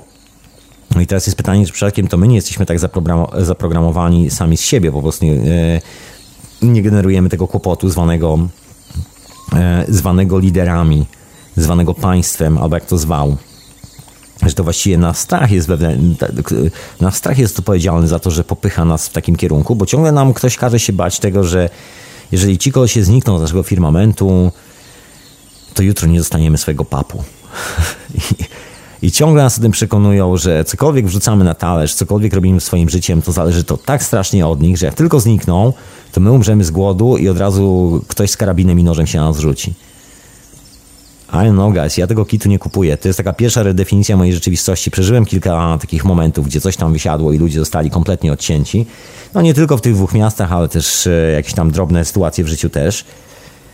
No i nic takiego się nie dzieje, a wręcz odwrotnie. Wtedy, wtedy zaczynamy dostrzegać e, tą wartość dla siebie. I to nawet nie ma co tłumaczyć tego, bo to właściwie jest, jak to się mówi po angielsku, obvious thing, oczywista sprawa. No tak samo jak e, nikt z nas nie potrafi spłodzić dziecka w pojedynkę, zawsze są potrzebne dwie osoby. Tak samo do organizacji takiego normalnego życia dookoła, żebyśmy się czuli fajnie, potrzebujemy e, ludzi dookoła siebie. To tylko właśnie rządy i psychopaci w mundurach nam wmawiają, że wystarczy tylko ten facet z karabinem obok i już wszystko będzie lepiej. W rzeczywistości nigdy nie jest lepiej. No i właśnie to jest ta właśnie redefinicja. Słuchajcie, było parę pomysłów przecież na, w ciągu ostatniego wieku, ostatnich dwóch wieków na zbudowanie jeszcze lepszych państw, na jeszcze lepszych systemów. I efekt jest taki, że, no jak wspomniałem e, trochę wcześniej, Dalej walczymy o pokój, wysyłając żołnierzy do Afganistanu i Iraku. Dalej e, partycypujemy w konfliktach. Dalej robimy pchani tym systemem. Dalej robimy po prostu syf. Dalej kupujemy jakieś napoje gazowane, na przykład koncernu Coca-Cola, który za te pieniądze zabija ludzi w Ameryce Południowej, bo no, bo jakby nie zabił tych ludzi, to jeszcze musiałby zapłacić e, tym ludziom za to, że zatruł im rzeki albo nie zapłacił za pieniądze, znaczy nie zapłacił za pracę. No i nagle by się okazało, że to lepiej może zabić tych ludzi. To wszystko się dzieje aktualnie teraz. To nam się tak wydaje, że żyjemy w takim pięknym, czasami doskonałym świecie, gdzie wszystko jest w miarę poukładane. W rzeczywistości nic tu nie jest poukładane. I to jest to pytanie, czy właściwie powinniśmy zająć się, w ogóle zajmować głowę naprawianiem tych wszystkich spraw, tego, że że na przykład jest gdzieś wojna na świecie, budując e, kolejny nowy rząd albo powołując jakąś komisję do tego. Absolutnie nie. Słuchajcie, każda kolejna komisja to są znowu ludzie, którzy są pomiędzy tymi wszystkimi. To są. To, to jest tak jak, się, tak, jak się to nazywa dokładnie tym to jest. To jest komisja e, pośrednicząca pomiędzy obiema zwaśnionymi stronami. Ja tak się zastanawiam, że przecież jak się wyciągnie tą komisję, która stara się podzielić te dwie strony, to nagle może się okazać, że właściwie nie ma zwaśnionych stron, jest tylko jedna strona. A jedynym miejscem polaryzacji jest owa komisja. Słuchajcie, wszystkie wojny, które się odbyły w Europie są e, idealnym przykładem e, na to, że ta historia zawsze tak wygląda. Zawsze pojawia się ktoś z dużymi pieniędzmi, kto spędza te pieniądze na to, żeby właśnie spolaryzować nasze opinie, żebyśmy o swoim sąsiedzie myśleli jako obcym facecie, który z racji tego, że zagłosował na kogoś innego albo zrobił cokolwiek innego, jest po prostu świrem. I trzeba go eksterminować w trybie natychmiastowym. I stąd się biorą wszystkie te wojny. Że jest taki cichy głos, który nam mówi. Ten cichy głos to jest facet, który z reguły produkuje te karabiny, te czołgi i dostarcza ropę do tych wszystkich urządzeń, maszyn wojennych, żeby to wszystko mogło działać.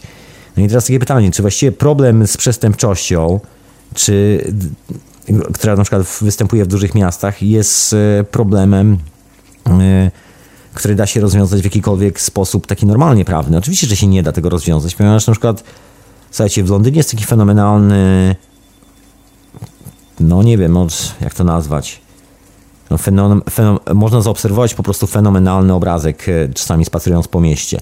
Naprzeciwko gigantycznych supermarketów, które wyrzucają co najmniej połowę tego, co mają na półkach każdego dnia do śmieci, pomimo, że to się jeszcze nadaje do jedzenia i tak dalej, ale już jest e, data nie ta i już trzeba wystawić nowe na półki, to wszystko jest obliczone, one na tym nie tracą, a wręcz nawet zarabiają, bo i tak te supermarkety nie płacą tu żadnych podatków, także i tak mają to w dupie, i tak są do przodu na miliony funtów. A z drugiej strony ulicy, albo czasami nawet na tej samej stronie ulicy, Siedzi ktoś, kto nie ma domu, kto jeszcze dzisiaj nic nie jadł. Oczywiście można się zastanawiać, dlaczego przecież on powinien pójść do pracy i tak dalej. No to może ja zostawię oceny, bo różnie się ludziom w życiu układa. No ale siedzi koleś e, po prostu na ulicy, jest głodny i normalną rzeczą jest to, że obok są tony jedzenia, słuchajcie, góry żarcia, które za chwilę zostaną wywiezione śmieciarkami i zasypane tak, żeby nikt nie mógł tego nigdy zjeść. A tu obok siedzi głodny facet. Słuchajcie, do jakiej atomizacji doprowadza to państwo, do jakiej atomizacji, do jakiego rozdzielenia, do jakiej patologii doprowadza cała ta struktura. Koszmar, prawda? Takie e, ludobójstwo na czas. Wszystko to oczywiście w imieniu prawa, wszystko w imieniu tego, że mamy jakieś normy społeczne, zasady i dzięki temu nasza wypracowana dzisiaj wartość będzie miała znaczenie jutro. Tylko pytanie, o jakich wartościach właśnie rozmawiamy? Przecież mamy na ulicy głodnego faceta, taki sam człowiek jak my. Ten człowiek jest wartością samą w sobie, tak jak my jesteśmy wartością, nie nasze pieniądze, nie nasze portfele, nie nasze nieruchomości, cokolwiek by to nie było, nie nasze samochody, nie nasze ekskluzywne zegarki. Wartością jest drugi człowiek, ale gonieni przez to państwo, żeby ciągle coś płacić, żeby komuś ciągle coś płacić, żeby mieć ten serwis, bo właściwie wierzymy w to, że państwo zapewnia nam serwis jakiś i że jak będziemy ciężko pracować, to ten serwis nam y, udogodzi nasze smutki w życiu, które właściwie wynikają de facto właśnie z braku z kontaktów międzyludzkich. Bo jak zaczniemy ze sobą rozmawiać, no to nasze strachy bardzo szybko znikają. To jest ten fenomen właśnie dużych festiwali, to jest fenomen małych festiwali, to jest fenomen właśnie takich miejsc, gdzie ludzie przychodzą chociażby tylko i wyłącznie po rozrywkę. Dlaczego lubimy tam przychodzić? Bo, bo zwyczajnie nie mamy obowiązku dbać o siebie, tylko możemy po prostu ekstatycznie dzielić się swoją radością ze wszystkimi ludźmi dookoła. I nagle okazuje się, że to jest tak fascynujące, tak intrygujące, że każdy, kto był na takim dużym festiwalu, bardzo często chciałby tam zostać prawie do końca swoich dni. No może mieć troszkę lepszy prysznic, czy jakoś tak, ale, z, ale atmosfera jest po prostu potężna i każdy naładowany tym festiwalem wraca na ten festiwal w, w kolejnym roku i tak dalej, i tak dalej. Nie, nie dlatego, że to jest jakieś takie wyjątkowe święto, tylko że to jest właśnie taka ludzka natura, to jest po prostu coś normalnego. Słuchajcie, w, w, takich bardzo surowych miejscach na świecie, gdzie ludzie mieszkają po parę tysięcy metrów nad poziomem morza, gdzie biały człowiek potrzebuje butli gazowych do, do, do oddychania albo potrzebuje jakiegoś czasu, żeby się zaaklimatyzować, żeby w ogóle tam dotrzeć, żeby mu płuca nie wyskoczyły na zewnątrz i nie zaczął pluć krwią. Tam ludzie mają e, możliwość pracowania tylko przez 4 miesiące w roku. Ja czasami o tym mówię. Są takie miejsca. Butan się na przykład nazywa jedno z takich miejsc. Królestwo Butan i są odcięci kompletnie od państwa. Oczywiście tam państwo niby funkcjonuje, niby jest to wszystko legalne, są zasady, zakazy, nakazy, tak jak wszędzie na świecie, no ale wiadomo, że tam nikt nie dotrze, no bo przez 8 miesięcy w roku, czy jakoś tak, droga jest zasypana śniegiem i oni są po prostu odcięci od świata w tych górnych partiach gór. Jak na ironię, słuchajcie, ci ludzie mają imprezę, która trwa przez te prawie 8 miesięcy, Pozostałe 4 miesiące są spędzane na to, żeby wyhodować marchewki, wyhodować wszystkie te jedzenie, które jest potrzebne, chmiel do naważenia piwa, wszystkie te historie. W ogóle robią tego tyle, że tego piwa wystarcza na całą zimę i właściwie zimą zajmują się tylko i wyłącznie budowaniem relacji między sobą. Taki fenomen. Nikt nie, za bardzo nie może stamtąd wyjechać, no bo przez ten śnieg nie da się dotrzeć, także tak czy siak są zmuszeni do tego, żeby być ze sobą. No ale słuchajcie, jaka jest różnica między nami wszystkimi globalnie, a tymi ludźmi w Butan? Właściwie żadna. No też siedzimy na tej samej planecie. Doskonale wszyscy wiemy, że no nie da się rozmnażać w kosmosie. To jest taka opcja, która no nie za bardzo wychodzi, bo ludzkie DNA ma coś takiego, że kiedy nie, nie jest w polu grawitacyjnym Ziemki, nie jest w polu tego eteru, w polu tych wszystkich historii, to nie chce. To po prostu nie chce. No. Były próby, tam się e, nie mówi o tym oficjalnie, ale nie przez przypadek wysyłano takie mieszane załogi męsko-damskie na orbity. Słuchajcie, badano te wszystkie rzeczy. Się okazuje, że po prostu nie da się spłodzić człowieka w kosmosie, przynajmniej jak na razie. Po prostu jest to fizycznie niemożliwe. Na dodatek jest jeszcze kolejna sprawa. W kosmosie coś się dzieje z naszym DNA, które przestaje funkcjonować normalnie. Przecież wszyscy ci astronauci, którzy wracają z orbit, którzy tam siedzą e, bardzo długo, od razu lądują na rekonwalescencji. Właściwie ci ludzie zostają kalekami do końca życia, o czym się nie mówi, bo właściwie brak grawitacji, kilka innych rzeczy. Właściwie nie wiemy co. Brak po prostu tego wszystkiego, co mamy na swoim własnym statku kosmicznym, które się nazywa Mama Ziemia, powoduje, że szlak nas trafia, po prostu rozpada, rozpadamy się. No i e, słuchajcie, de facto no, jesteśmy jak ci ludzie w Butan, tylko że jesteśmy troszkę większą społecznością, mamy ten internet, wiemy, że jest nas trochę więcej niż mniej. No ale sprowadza się dokładnie do tego samego. Jesteśmy odcięci od komunikacji z innymi planetami. No możemy się komunikować na przykład, nie wiem, może podczas snu. Może ktoś ma jakieś wizje i się komunikuje z, z innymi historiami. No ale na co dzień, jak chodzimy tutaj, że tak powiem, twardo po ziemi, no to jesteśmy tu i teraz. To jest dokładnie to nasze, dokładnie jak ta wioska w Butan. No i to jest pytanie właściwie, co my zrobiliśmy z tą swoją wioską? No to może powinniśmy zacząć od samego początku, może powinniśmy zacząć od redefinicji zja e, zjawisk, które nas otaczają, może powinniśmy zacząć zastanawiać się nie nad, e, że tak powiem, pudrowaniem istniejących problemów, tylko może powinniśmy po prostu zająć się nad takim skutecznym usuwaniem e, tych problemów. Bo przecież jak zmienimy jedne, jedną zasadę na drugą, no to dokładnie sytuacja jest taka sama. Dalej tworzymy rzeczywistość, gdzie żyjemy iluzją tego, że to, co uda nam się dzisiaj zebrać, będzie z nami po wsze czasy i że zabezpieczy nam wszystkie potrzeby, które nas spotkają na przykład jutro. I oczywiście nie myślimy o tym, że hej, to może zróbmy to inaczej. Może zróbmy tak, żebyśmy sami po prostu dali sobie szansę zabezpieczać e, te potrzeby nawzajem, że to jest o wiele bardziej wydajne rozwiązanie, bo wtedy człowiek nie musi gromadzić na zapas, czyli na przykład spadają kwestie związane z utrzymywaniem, pilnowaniem rzeczy, kontrolowaniem rzeczy, żeby tam się nic z tym nie stało, no bo już nie ma czego. No tak, no ale tu, tu się pojawia taki problem, no ale jak to zaraz nienawiść i tak dalej, i tak dalej, bo niektórzy mają takie psychozy maniakalne. No ale skąd ma się brać nienawiść, skoro nagle lądujemy w sytuacji, gdzie każdy z nas sobie zdaje sprawę, że albo sobie podamy ręce, albo zginiemy wszyscy naraz. To taki naprawdę, nie wiem, wydaje mi się bardzo prosty przykład. I chyba przemawiający do każdego, tak mi się wydaje przynajmniej.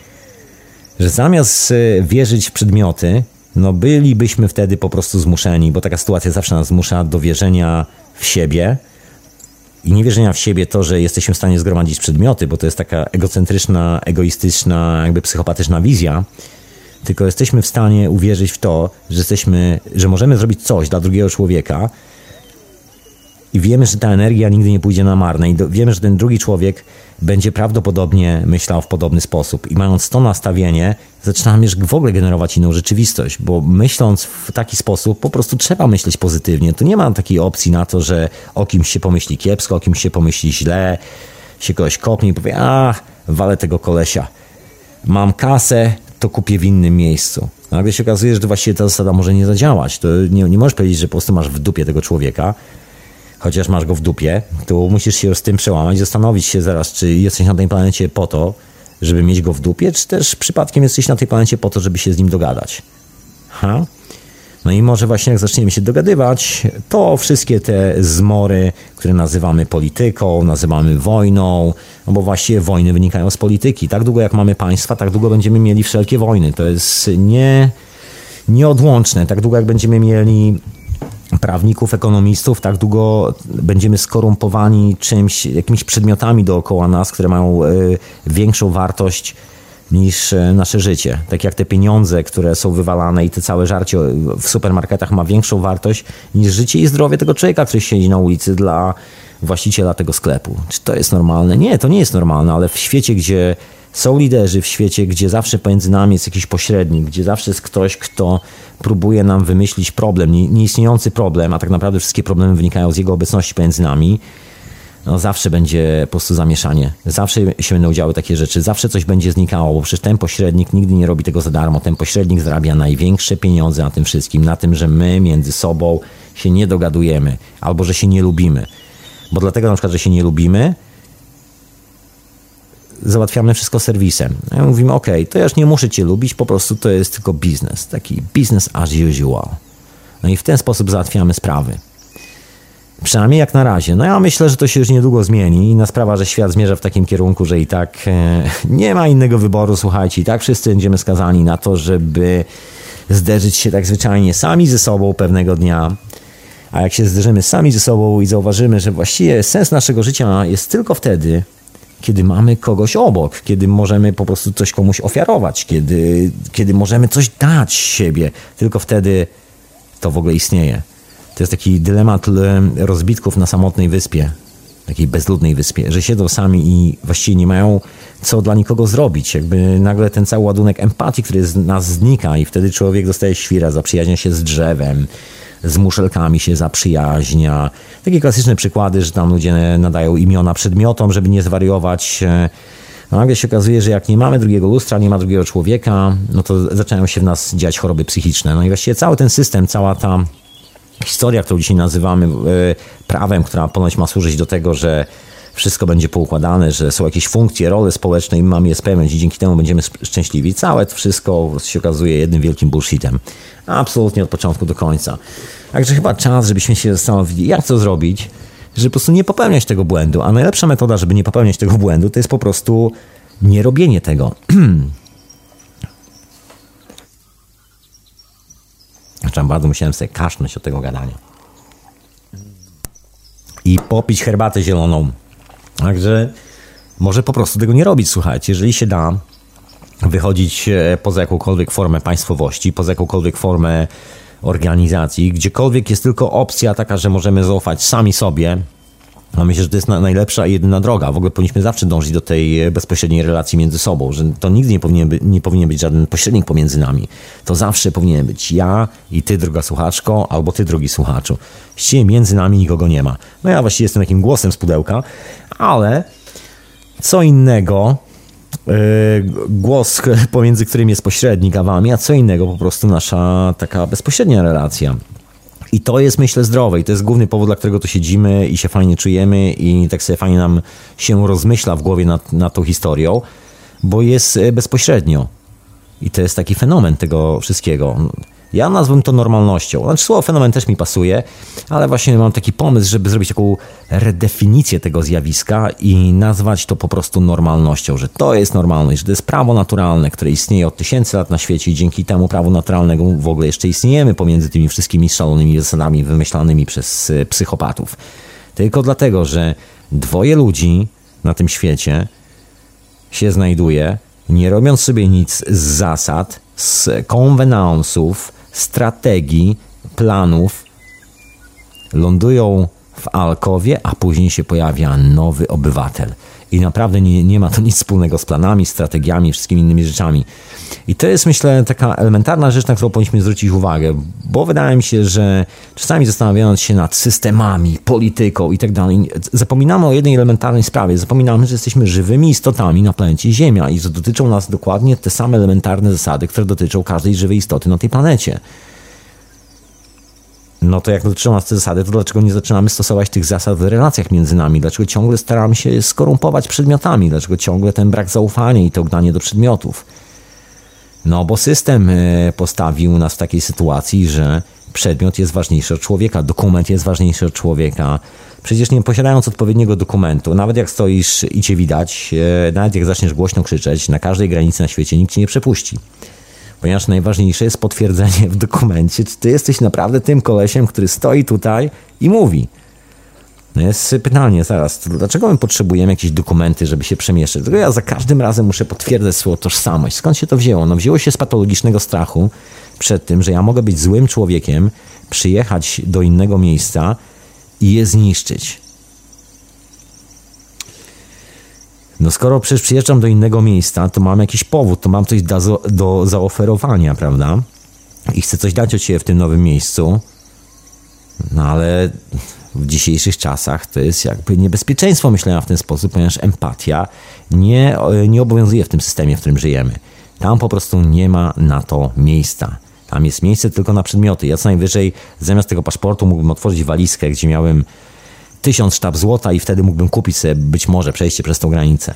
No ale de facto jako po prostu żywa istota nie mam żadnego znaczenia i do tego doprowadził ten system, że jako żywe istoty właściwie nie znaczymy nic. Więcej za nas znaczą nasze dokumenty ze zdjęciem, nasze zdjęcia, nasz portfel więcej znaczy. W ogóle jest wiele takich historii dookoła. Wystarczy się tylko rozejrzeć. A z drugiej strony mamy ten fantastyczny akt powstawania życia. Wiem, jak powstaje życie, wiem, jak się rodzą ludzie, wiem, jak się rodzą zwierzęta, wiem, jak funkcjonuje natura. I nigdzie w naturze nie pojawiają się żadni liderzy, nie pojawia się system prawny, nie pojawia się system bankowy, nie pojawia się żadna z tych rzeczy. I działa. I działa idealnie. I teraz jest pytanie, czy my dalej będziemy chcieli naprawiać e, tą patologię, budując jeszcze większą patologię, czyli że mamy już jeden dokument, to teraz napiszemy kolejnych 300, które będą zmieniały ten pierwszy, ale teraz będzie lepiej. Czy też nie powinniśmy urządzić jakiegoś wielkiego ogniska na te wszystkie dokumenty, przynieść jakieś gitary, jakieś bębny i wreszcie się wszyscy poznać, pogadać ze sobą, zobaczyć jak się czujemy w swoim własnym towarzystwie, być po prostu mili dla siebie. To jest chyba taka właściwa opcja. Normalne jest to, że i tak nie zginiemy na tej planecie, bo jesteśmy świetnie zorganizowani. Jak na ironię, w momencie, kiedy wszystko trafi szlak, jeżeli chodzi o cały ten e, system Babilonu. Gwarantuję Wam, że zorganizujemy się w ciągu jednego sezonu i świat będzie wyglądał tak, jak nigdy nie wygląda. Będzie cudownie. No, pod warunkiem oczywiście, że ten cały upadek nie będzie tylko i wyłącznie taką projekcją i taką iluzją dla, dla nas, e, sterowaną przez jakiś światowy rząd i że za chwilę nie pojawią się czołgi e, na naszej ulicy, no bo wtedy to akurat znaczy, że jesteśmy z powrotem w tej samej sytuacji, a nawet o wiele gorszej. Właściwie wylądowaliśmy w jeszcze gorszym e, państwie, wylądowaliśmy w państwie, gdzie naraz chce rządzić kilku kolesi, a każdy z nich się nie waha założyć, yy, założyć na siebie po prostu karabinów i później skorzystać strzelając w naszym kierunku z, te, z tego całego zestawu.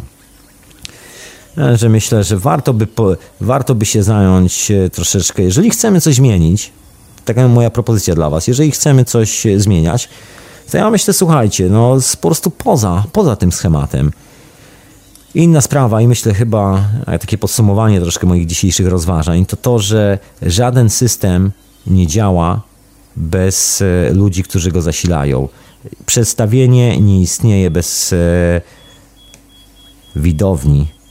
widowni. Nawet najlepsi aktorzy na scenie nie mają nic do roboty, kiedy nie ma widowni. Co najwyżej mogą zagrać dla siebie.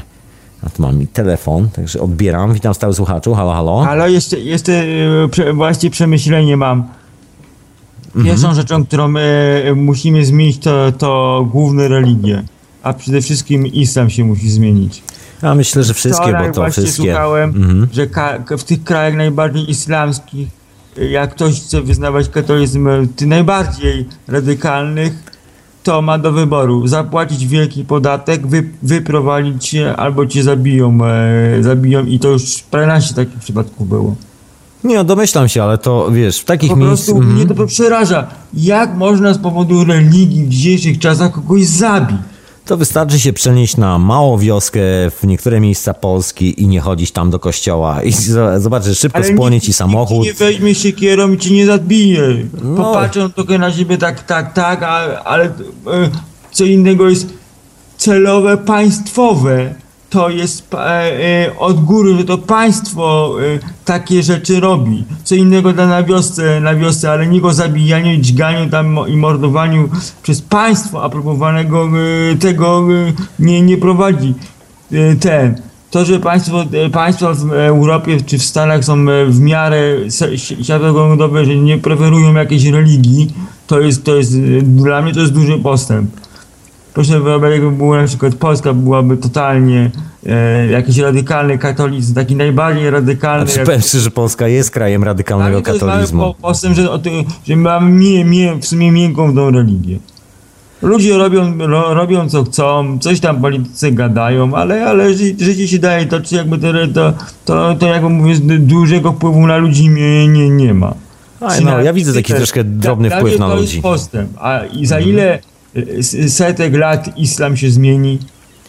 Bo tylko o tym się słyszy, że to jest najbardziej jakby dzisiaj kwierzocza religia, taka, taka... Znaczy, ja, ja powiem szczerze, że, że najbardziej książęczą religią, to dalej się nic nie zmieniło, jest chrześcijanizm, katolicyzm, bo ilość jakby morderstw, która jest dokonywana w Ameryce Południowej przez, e, przez tych ludzi do dzisiaj, jakby pomagających amerykańskim korporacjom wchodzić tam, gdzie jest ropa, ja, to, jest, jest potężna. A e, islam, e, słuchaj, Pan sobie myli. Ja mówię o tym, jest- że z powodów czysto religijnych. Nie jesteś i wyznajesz inną religię, to cię ubije. To jest tam polityczne, a nie od powodu, że, że czy ta osoba, która zabita, została zabita z powodu, że wyznaje inną religię. Mówimy o czystym, tylko że wyznajesz, że ja wyznaję katolicyzm, albo w danym regionie ja bym wyznawał buddyzm, też by mnie ubili. Z tego powodu, że wyznaję inną religię.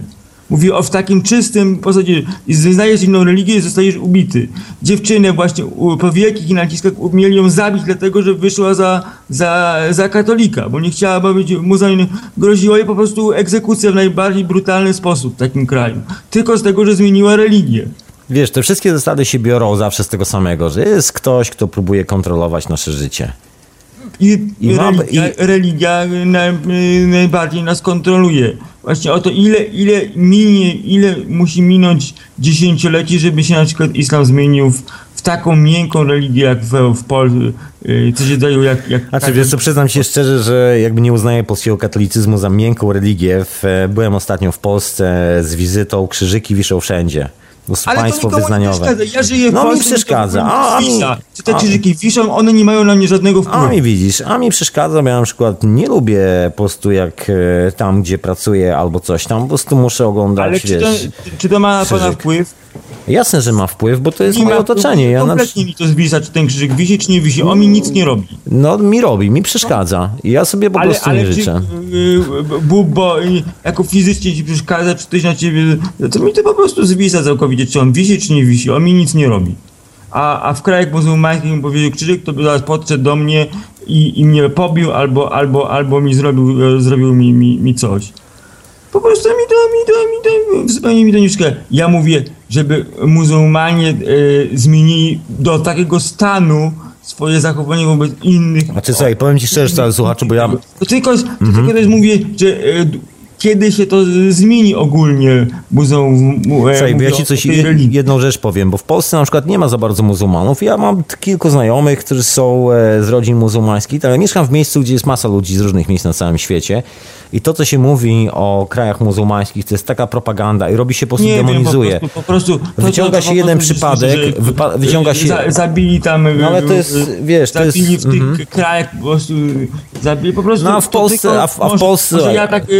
e, Stały słuchaczu. Dzieła, ale po prostu, Poczekaj, po, posłuchaj, posłuchaj, posłuchaj, mam ci coś do powiedzenia. A w Polsce stały słuchaczu lekarze mordują w imię, w imię religii, w imię prawa, na przykład pacjentkę, bo no, muszą dokonać jakiegoś zabiegu związanego z jej dzieckiem i tak dalej, i tak dalej. Nie chcą tego robić, bo twierdzą, że. To jest ludobójstwo, bo tam jeszcze, stary, jeszcze zrozumiem tych prostych ludzi, którzy gdzieś tam, bo ktoś złamał ich na małej wiosce, gdzieś na zadupiu świata, jakieś święte zasady, które mają tysiące lat. I oni postanowili, że będą się trzymać ty- tych zasad. To jeszcze jestem w stanie gdzieś Nie przegryźć, ale wiosce, kiedy, to to ale kiedy w Polsce się dzieje, ale kiedy w Polsce się dzieje tak zwanym, wiesz, no to moment, to już nie Znaczy, wiem, no, u nas jest zakaz oficjalnie aborcji, to więc yy, pan mówi odwrotnie. Jest zakaz aborcji, więc, yy, więc pod tym No i są jest patolo- no to- No to nas- właśnie dlatego, że jest krzyżyk. To pierw się pojawia krzyżyk na, na ścianie, a później, jest, pewnie a później jest, się pojawiają zasady dla mieszkańców. życia, to, to, to pan mówi o zabijaniu życia, a, a my a, a, a, mówimy o chronieniu życia, więc co ma to? Pan mówi o zabijaniu ży, lu- ludzi, a mówimy o chronieniu życia. Od, od poczęcia do grobowej, od naturalnej śmierci. No to, To co- ja mówię o takim, takiej normalnej cywilizacji, no, że przychodzi do ciebie człowiek, który ma jakąś sprawę do rozwiązania, ty jesteś lekarzem. No i teraz co? I teraz ty mu mówisz, że ja nie mogę, bo ja teraz wierzę w jakiegoś swojego Boga i teraz... No i nagle z tego powodu robią się problemy. No to i ty mówisz, że Polska nie jest krajem wyznaniowym. Jak tam wszędzie wiszą Ale, krzyżyki. ale m, e, e, jeżeli ja wyznaję, wyznaję jakieś wartości, to żyję wokół tych wartości. No git, świetnie, Bo- bo ale dlaczego ja na przykład jestem nie zmuszany do oglądania krzyżyków? innego lekarza. Ale dlaczego ja jestem zmuszany do na przykład do tolerowania lekarza, który ma którego zasady są ważniejsze przed moim życiem. No to o czym my mówimy? To, to jest jakiś bandytyzm, no bo to naziści też mieli zasady nie- ważniejsze to- przed życiem. To, o, przepraszam, to le, ten lekarz przykładowy ma nie mieć prawa wyboru. E, czy, No w- nie, nie, absolutnie. No, albo, jesteś, albo jesteś lekarzem, słuchaj, i podejmujesz tą decyzję, że ktokolwiek do ciebie przyjdzie, twoim darem, twoim zadaniem jest stawianie ludzi na nogi, pomaganie im, żeby po prostu wszystko było ok.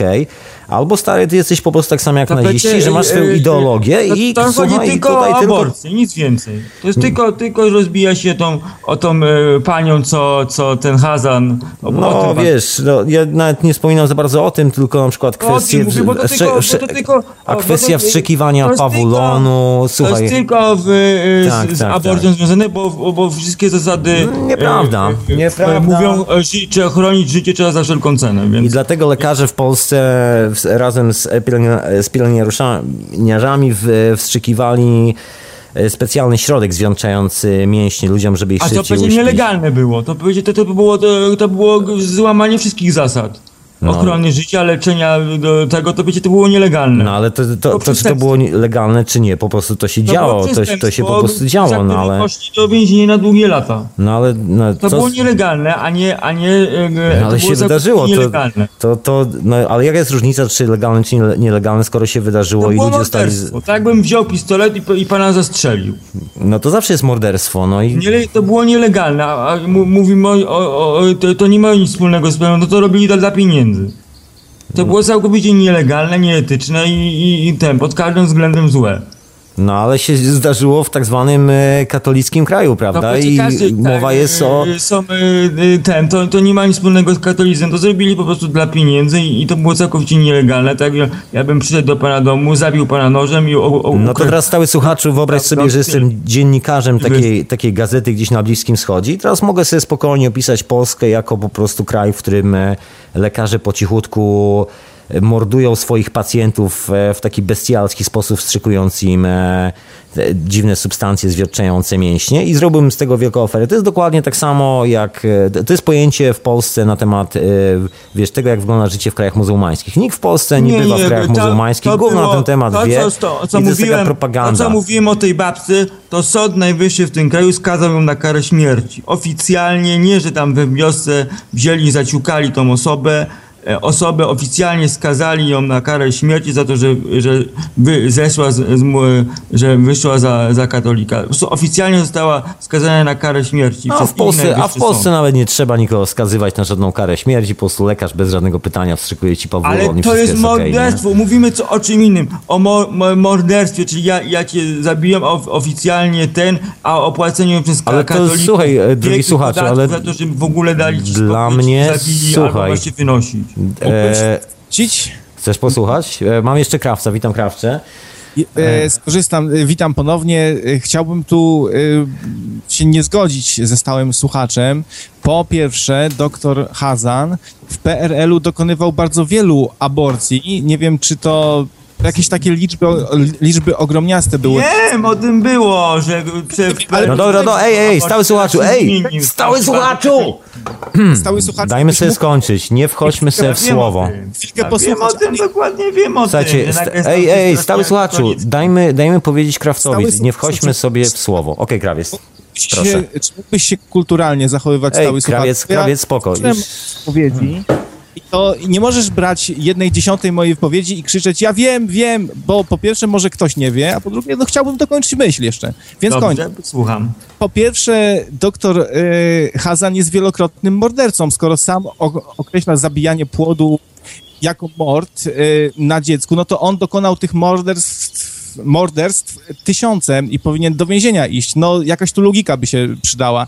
E, y, po drugie, uważam, że jest to osoba pozbawiona całkowicie empatii, bo ten człowiek, jego nie obchodziło, y, co, co będzie czuł, y, czuło to dziecko bez połowy głowy, jak, jak mu się uda przeżyć na przykład.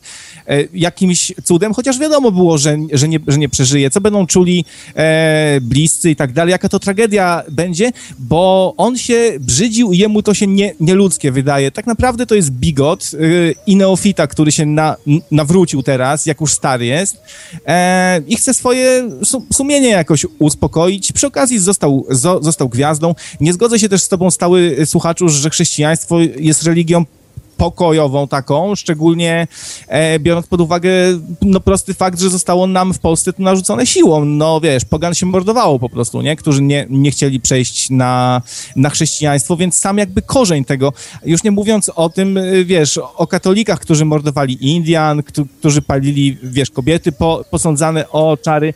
Y, wszy, wszystkim tym spalonym za, za, zabierano zawsze majątki. To jest wyrachowana, wstrętna in, instytucja. Wiecie, ja o tym dobrze wiem. Mówię, No. że się chrze- chrześcijaństwo się zreformowało po tych stuleciach. Nie widzę Ale żadnej reformacji, zreformuje, e, Skandale pedofilskie w Watykanie są po prostu takie, że ja nie wiem, to, to jest po prostu włosy dęba stają na głowie. Mowa jest o czteroletnich dzieciach i mowa jest o samej górze Watykanu. O, mowa jest o papież papieżach. wziął za to. Nie wziął się za nic, tylko po Wziął prostu się, nie, wzi- gdyby się za to wziął, to instytucja zostałaby rozwiązana w ciągu 24 godzin, ponieważ praktycznie co drugi biskup jest pedofilem, który puka nieletnie dziec, dzieci i wszyscy o tym wiedzą. To bandyci, złodzieje i pederaści oraz kryminaliści. Wszyscy powinni wylądować w pierdlu. A te słynne ośrodki wychowawcze w Irlandii, e, Tak, te, po tysiące zwłok e, w ogródkach z- zakopane, dosłownie. to są właśnie zwłoki, zwłoki w szambie, ale wcześniej też molestowanie tych y, dzieci. Te, y, te dziewczęta e, z dobrych domów, które się niewłaściwie zachowywały, no to rodzice, którzy mieli takiego siupla, e, siup, siupa katolickiego, wy, wysyłali tam te dzieciaki, a tamte zakonnice wykorzystywały te dzieciaki, poniżały, do pracy ich e, ciężkiej dzień i noc brały, po prostu... Przecież dobrze o tym wiem. Mówimy o, o stopniowym mówimy, mo, mo, się modyfikowaniu ogólnie religii. Ja o tym pod tym kątem mówiłem. Co było w średniowieczu, a co jest y, y, muzułmaństwo to najgo, najgorsze. Ale wiesz co, y, dro- tam jakieś, stały słuchaczu, bo nie dałeś mi ten, skończyć. Pół Mhm. Iraku zajęli, mordowanie po prostu... Ej, e, stały słuchaczu, nie dałeś mi skończyć jedną rzeczą w ogóle z Bliskim Tak. Wschodem, bo słuchaj, na przykład e, takich zbrodni w ogóle przestępstw, takich zwykłych na tle rabunkowym, gwałtów i tak dalej, w takim e, Iranie jest około jedna tysięczna na, i, to jest porównanie, chodzi o kubaturę ludzi. To nie jest statystyczne, bo wiadomo, że niektóre państwa są mniejsze, a niektóre większe, to nie o tym mówię. Wszystko zostało policzone i się okazuje, że na przykład E, Naprawdę ja wolałbym e, pod tym względem mieszkać mimo wszystko jednak w Iranie niż na przykład e, w Stanach Zjednoczonych, tak sobie podejrzewam, ponieważ w Stanach ktoś mógłby mi odstrzelić w głowę i to ryzyko, że zrobi to policjant jest takie no e, jedna, jedna chyba na 100 ofiar w Stanach jest mordowana przez policjanta przez przypadek, czy coś w tym stylu. Jest taka potworna statystyka. Na policja po prostu strzela do ludzi, ludzie Bo się nawzajem strzelają. A natomiast, a natomiast ludzie, ludzie w Iranie, słuchaj, w Iranie jest chyba 8 przestępstw rocznie, rozumiesz? I nagle się okazuje, że taka propaganda, która mówi o tym, że ci muzy... To jest ciągle propaganda, która ci mówi o tym, że Ale muzułmanie są źli. państwo. No to dobra, jest takie no. państwo, ale a, e, przecież tam jest jakby taka dy, dyktatura, więc, No. więc o, o wolności Zasada jest prosta, no po prostu nie możesz marudzić na religię, która jest tam państwowa i to wszystko. Poza tym jesteś spokojny, no nie? Natomiast w Polsce na, na, możesz sobie pomarudzić na religię, w Ameryce możesz sobie pomarudzić na religię, ale nie jesteś spokojny, bo każdy idiota może ci odstrzelić głowę. No i teraz jest pytanie, gdzie jest bezpieczniej, gdzie, gdzie jest normalniej? Czy, czy ja, ja szybko A to, e, e, e, e, wiecie, w, jak w innych audycjach e, promo, promowaliście do, dostęp do broni, to jeżeli każdy w Stanach może mieć broń, więc, e, więc szansa, że cię ktoś odstrzeli jest znacznie większa niż krajów, w których nie ma. Ale ja nie powiedziałem nic o nie broni. dostępu do broni. Ja nie powiedziałem nic o nie dostępie do broni. dostępu do broni, to tyle by nie było e, ofiar i, i zabójstw, bo by nie mieli czym się ludzie... Słuchaj, e, stały słuchaczu, jak policzysz... Jak, no to możemy trochę, s- trochę się słabo właśnie czuć bez broni, jak na przykład Ruscy tutaj któregoś dnia wejdą teraz. Ale to nawet nie to, słuchajcie, w Kanadzie, jeżeli się przeliczy ilość sztuk broni na głowę, w Kanadzie jest chyba dwa razy więcej na obywatela niż w Stanach. I, prze, i tam strzałów, tam e, postrzeleń jest chyba tam parę w roku. A w Ameryce, a w Ameryce jest wręcz obsesja, bo tam jest państwo policyjne. I to państwo policyjne do powoduje, że po prostu widzimy w sobie zagrożenie. I teraz wielu frajerów próbuje zrobić dokładnie to samo między, różnicę między nami a islamem, że islam jest niebezpieczny, bo tam kamienią kobiety i nam się opowiada o wszystkich tych strasznych rzeczach, że tam tylko to jest. No, ale oczywiście wiem, że przecież islam jest... I tych islamów jest chyba 10 rodzajów. Dokładnie. to Oni jest- nawet między sobą się e, żreją. No to tak jak Ten chrześcijanie, to i katolicy. Taki, no. taki normalny, taki normalny, to nawet ci są atakowani, przecież szyici są atakowani przez tych drugich. Maczety są im wysadzane. To ci, e, ten, e, e, ten, e, są zabijani, i oni się między sobą strasznie nienawidzą. Ale właśnie cały czas dążę do tego, żeby wyłączyć to państwo, bo całe to państwo to jest, to jest instytut, który nam ciągle na przykład daje takie newsy. O zobacz, oni ci nienawidzą, tam ci nienawidzą, tam ci nienawidzą, tam zbrój się, kup karabin.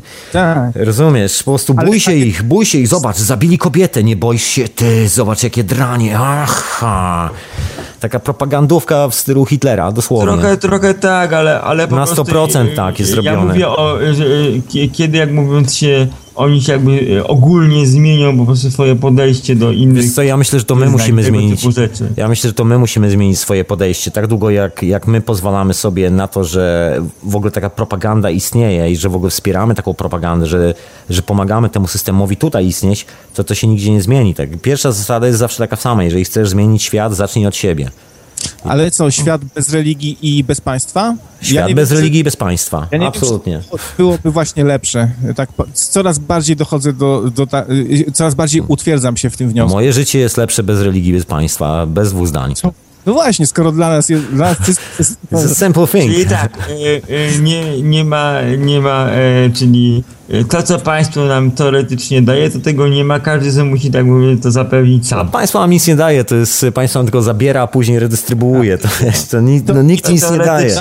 prostu. No, w praktyce Ale, przecież... ale y, ludzie się zawsze jednoczyli. Jakieś tam zalążki państwa, czy piastów, czy coś takiego. Ludzie się łączyli jakby w takie grupy, więc... No, niech się dalej łączą. nie wiem, to, I jeśli teraz się mamy, jak mówiąc, e, rozłączyć. Nie, wiem, możemy po się- możemy się historii za- za, Nie, nie, łącz- zawsze powstawały jakieś kom, komregaty, czy e, ten Babilon, ten Egipt starożytny. No, nie za bardzo, nie za bardzo możemy się powoływać na starożytny Egipt i Babilon, bo akurat nic na ten temat nie wiemy. Jakby to nam się bardziej wydaje, że coś wiemy, niż cokolwiek wiemy. To także tutaj, Że był faraon, że ten, że jakby się ludzie jednoczyli, że była jakby ta, ta władza. Czy, no właśnie nie za bardzo też się okazuje. Słuchajcie, Mielibyśmy to odwrócić. Słuchajcie, okazuje się, że właśnie, bo tu taka ciekawostka. Ja mówiłem o tym w kilku hiperprzestrzeniach, bo są poważne dowody archeologiczne na to, że taka scentralizowana władza tak naprawdę w momencie takiej gigantycznej prosperity na świecie nigdy nie istniała. Nie było scentralizowanej władzy, ale była jedna rzecz. Była prawdopodobnie centralna komunikacja.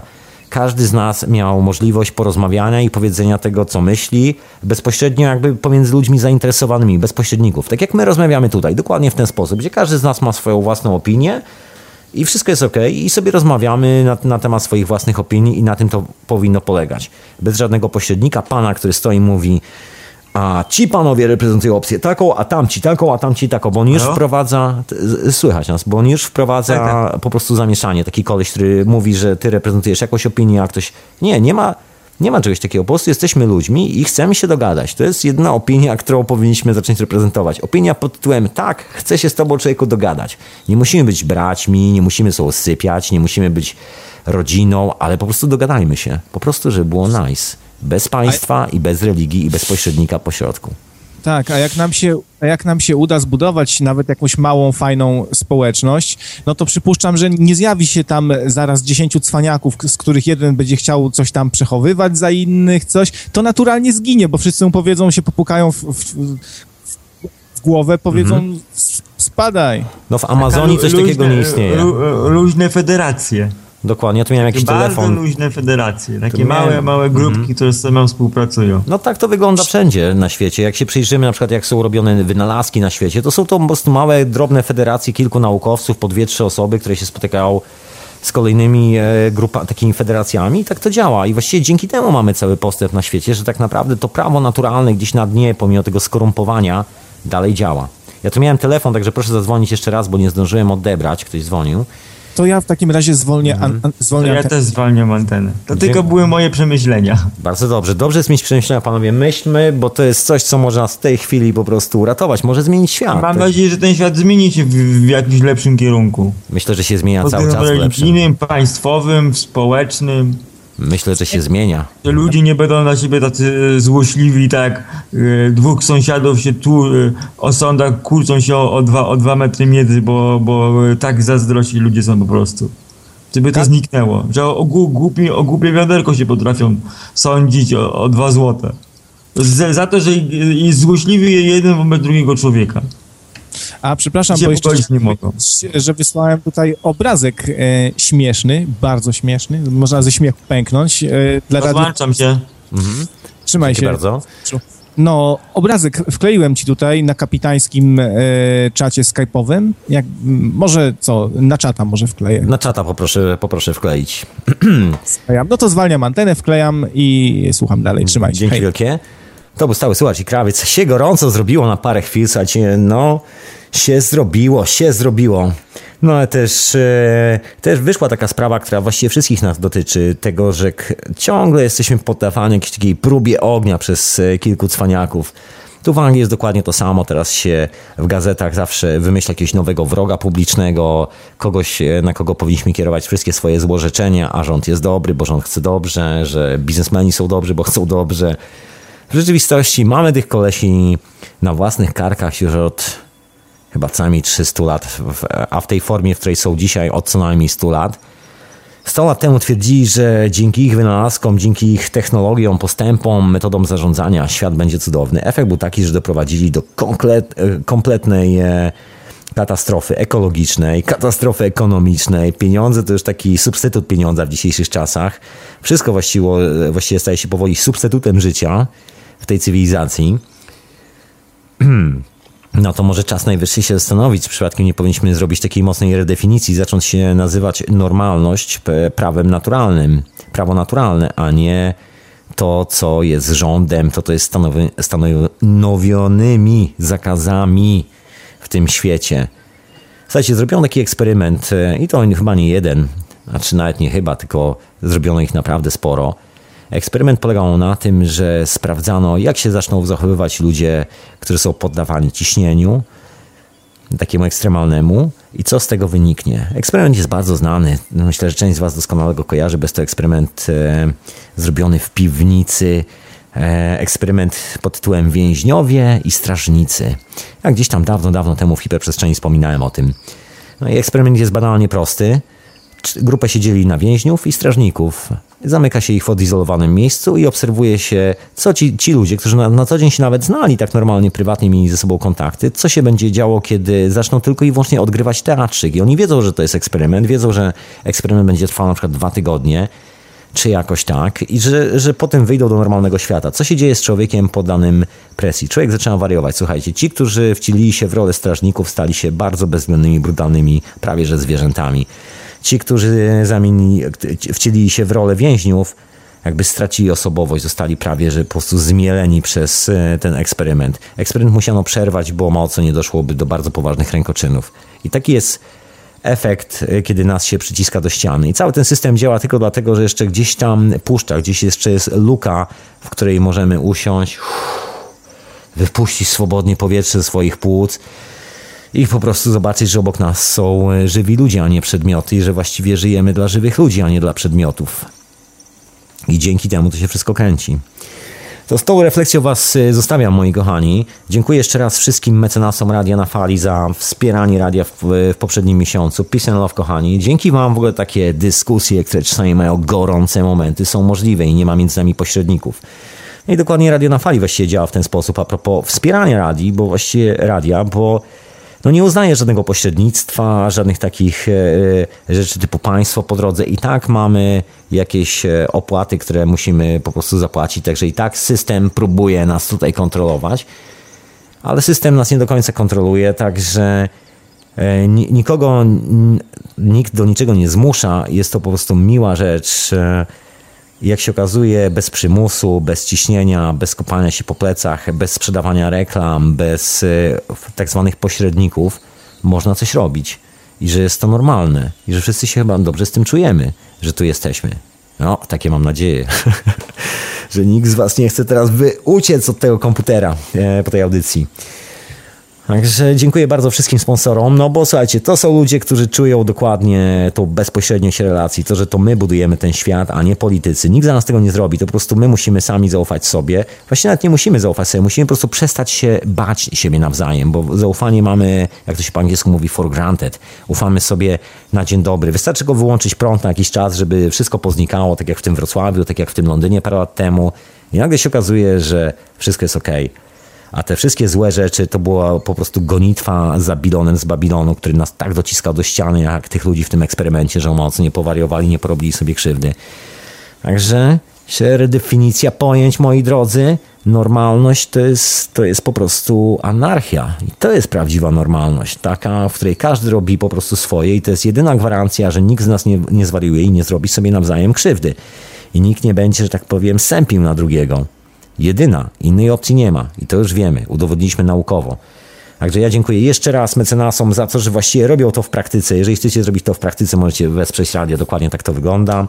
Dziękuję wszystkim słuchaczom online i wszystkim słuchaczom offline. Peace and love, kochani, gdziekolwiek byście nie byli, odtwarzając ten podcast. I to było tyle z dzisiejszej hiperprzestrzeni. Zapraszam oczywiście na Twittera Radio na Fali, i zapraszam na Facebooka Radio na Fali, na stronę www.radionafali.com i zapraszam też, żebyście wpadali, odwiedzali Radio Paranormalium, które retransmituje hiperprzestrzeń. Także w kochani, trzymajcie się, a ja was zapraszam na wieczorową porę. A słuchaliście hiperprzestrzeni.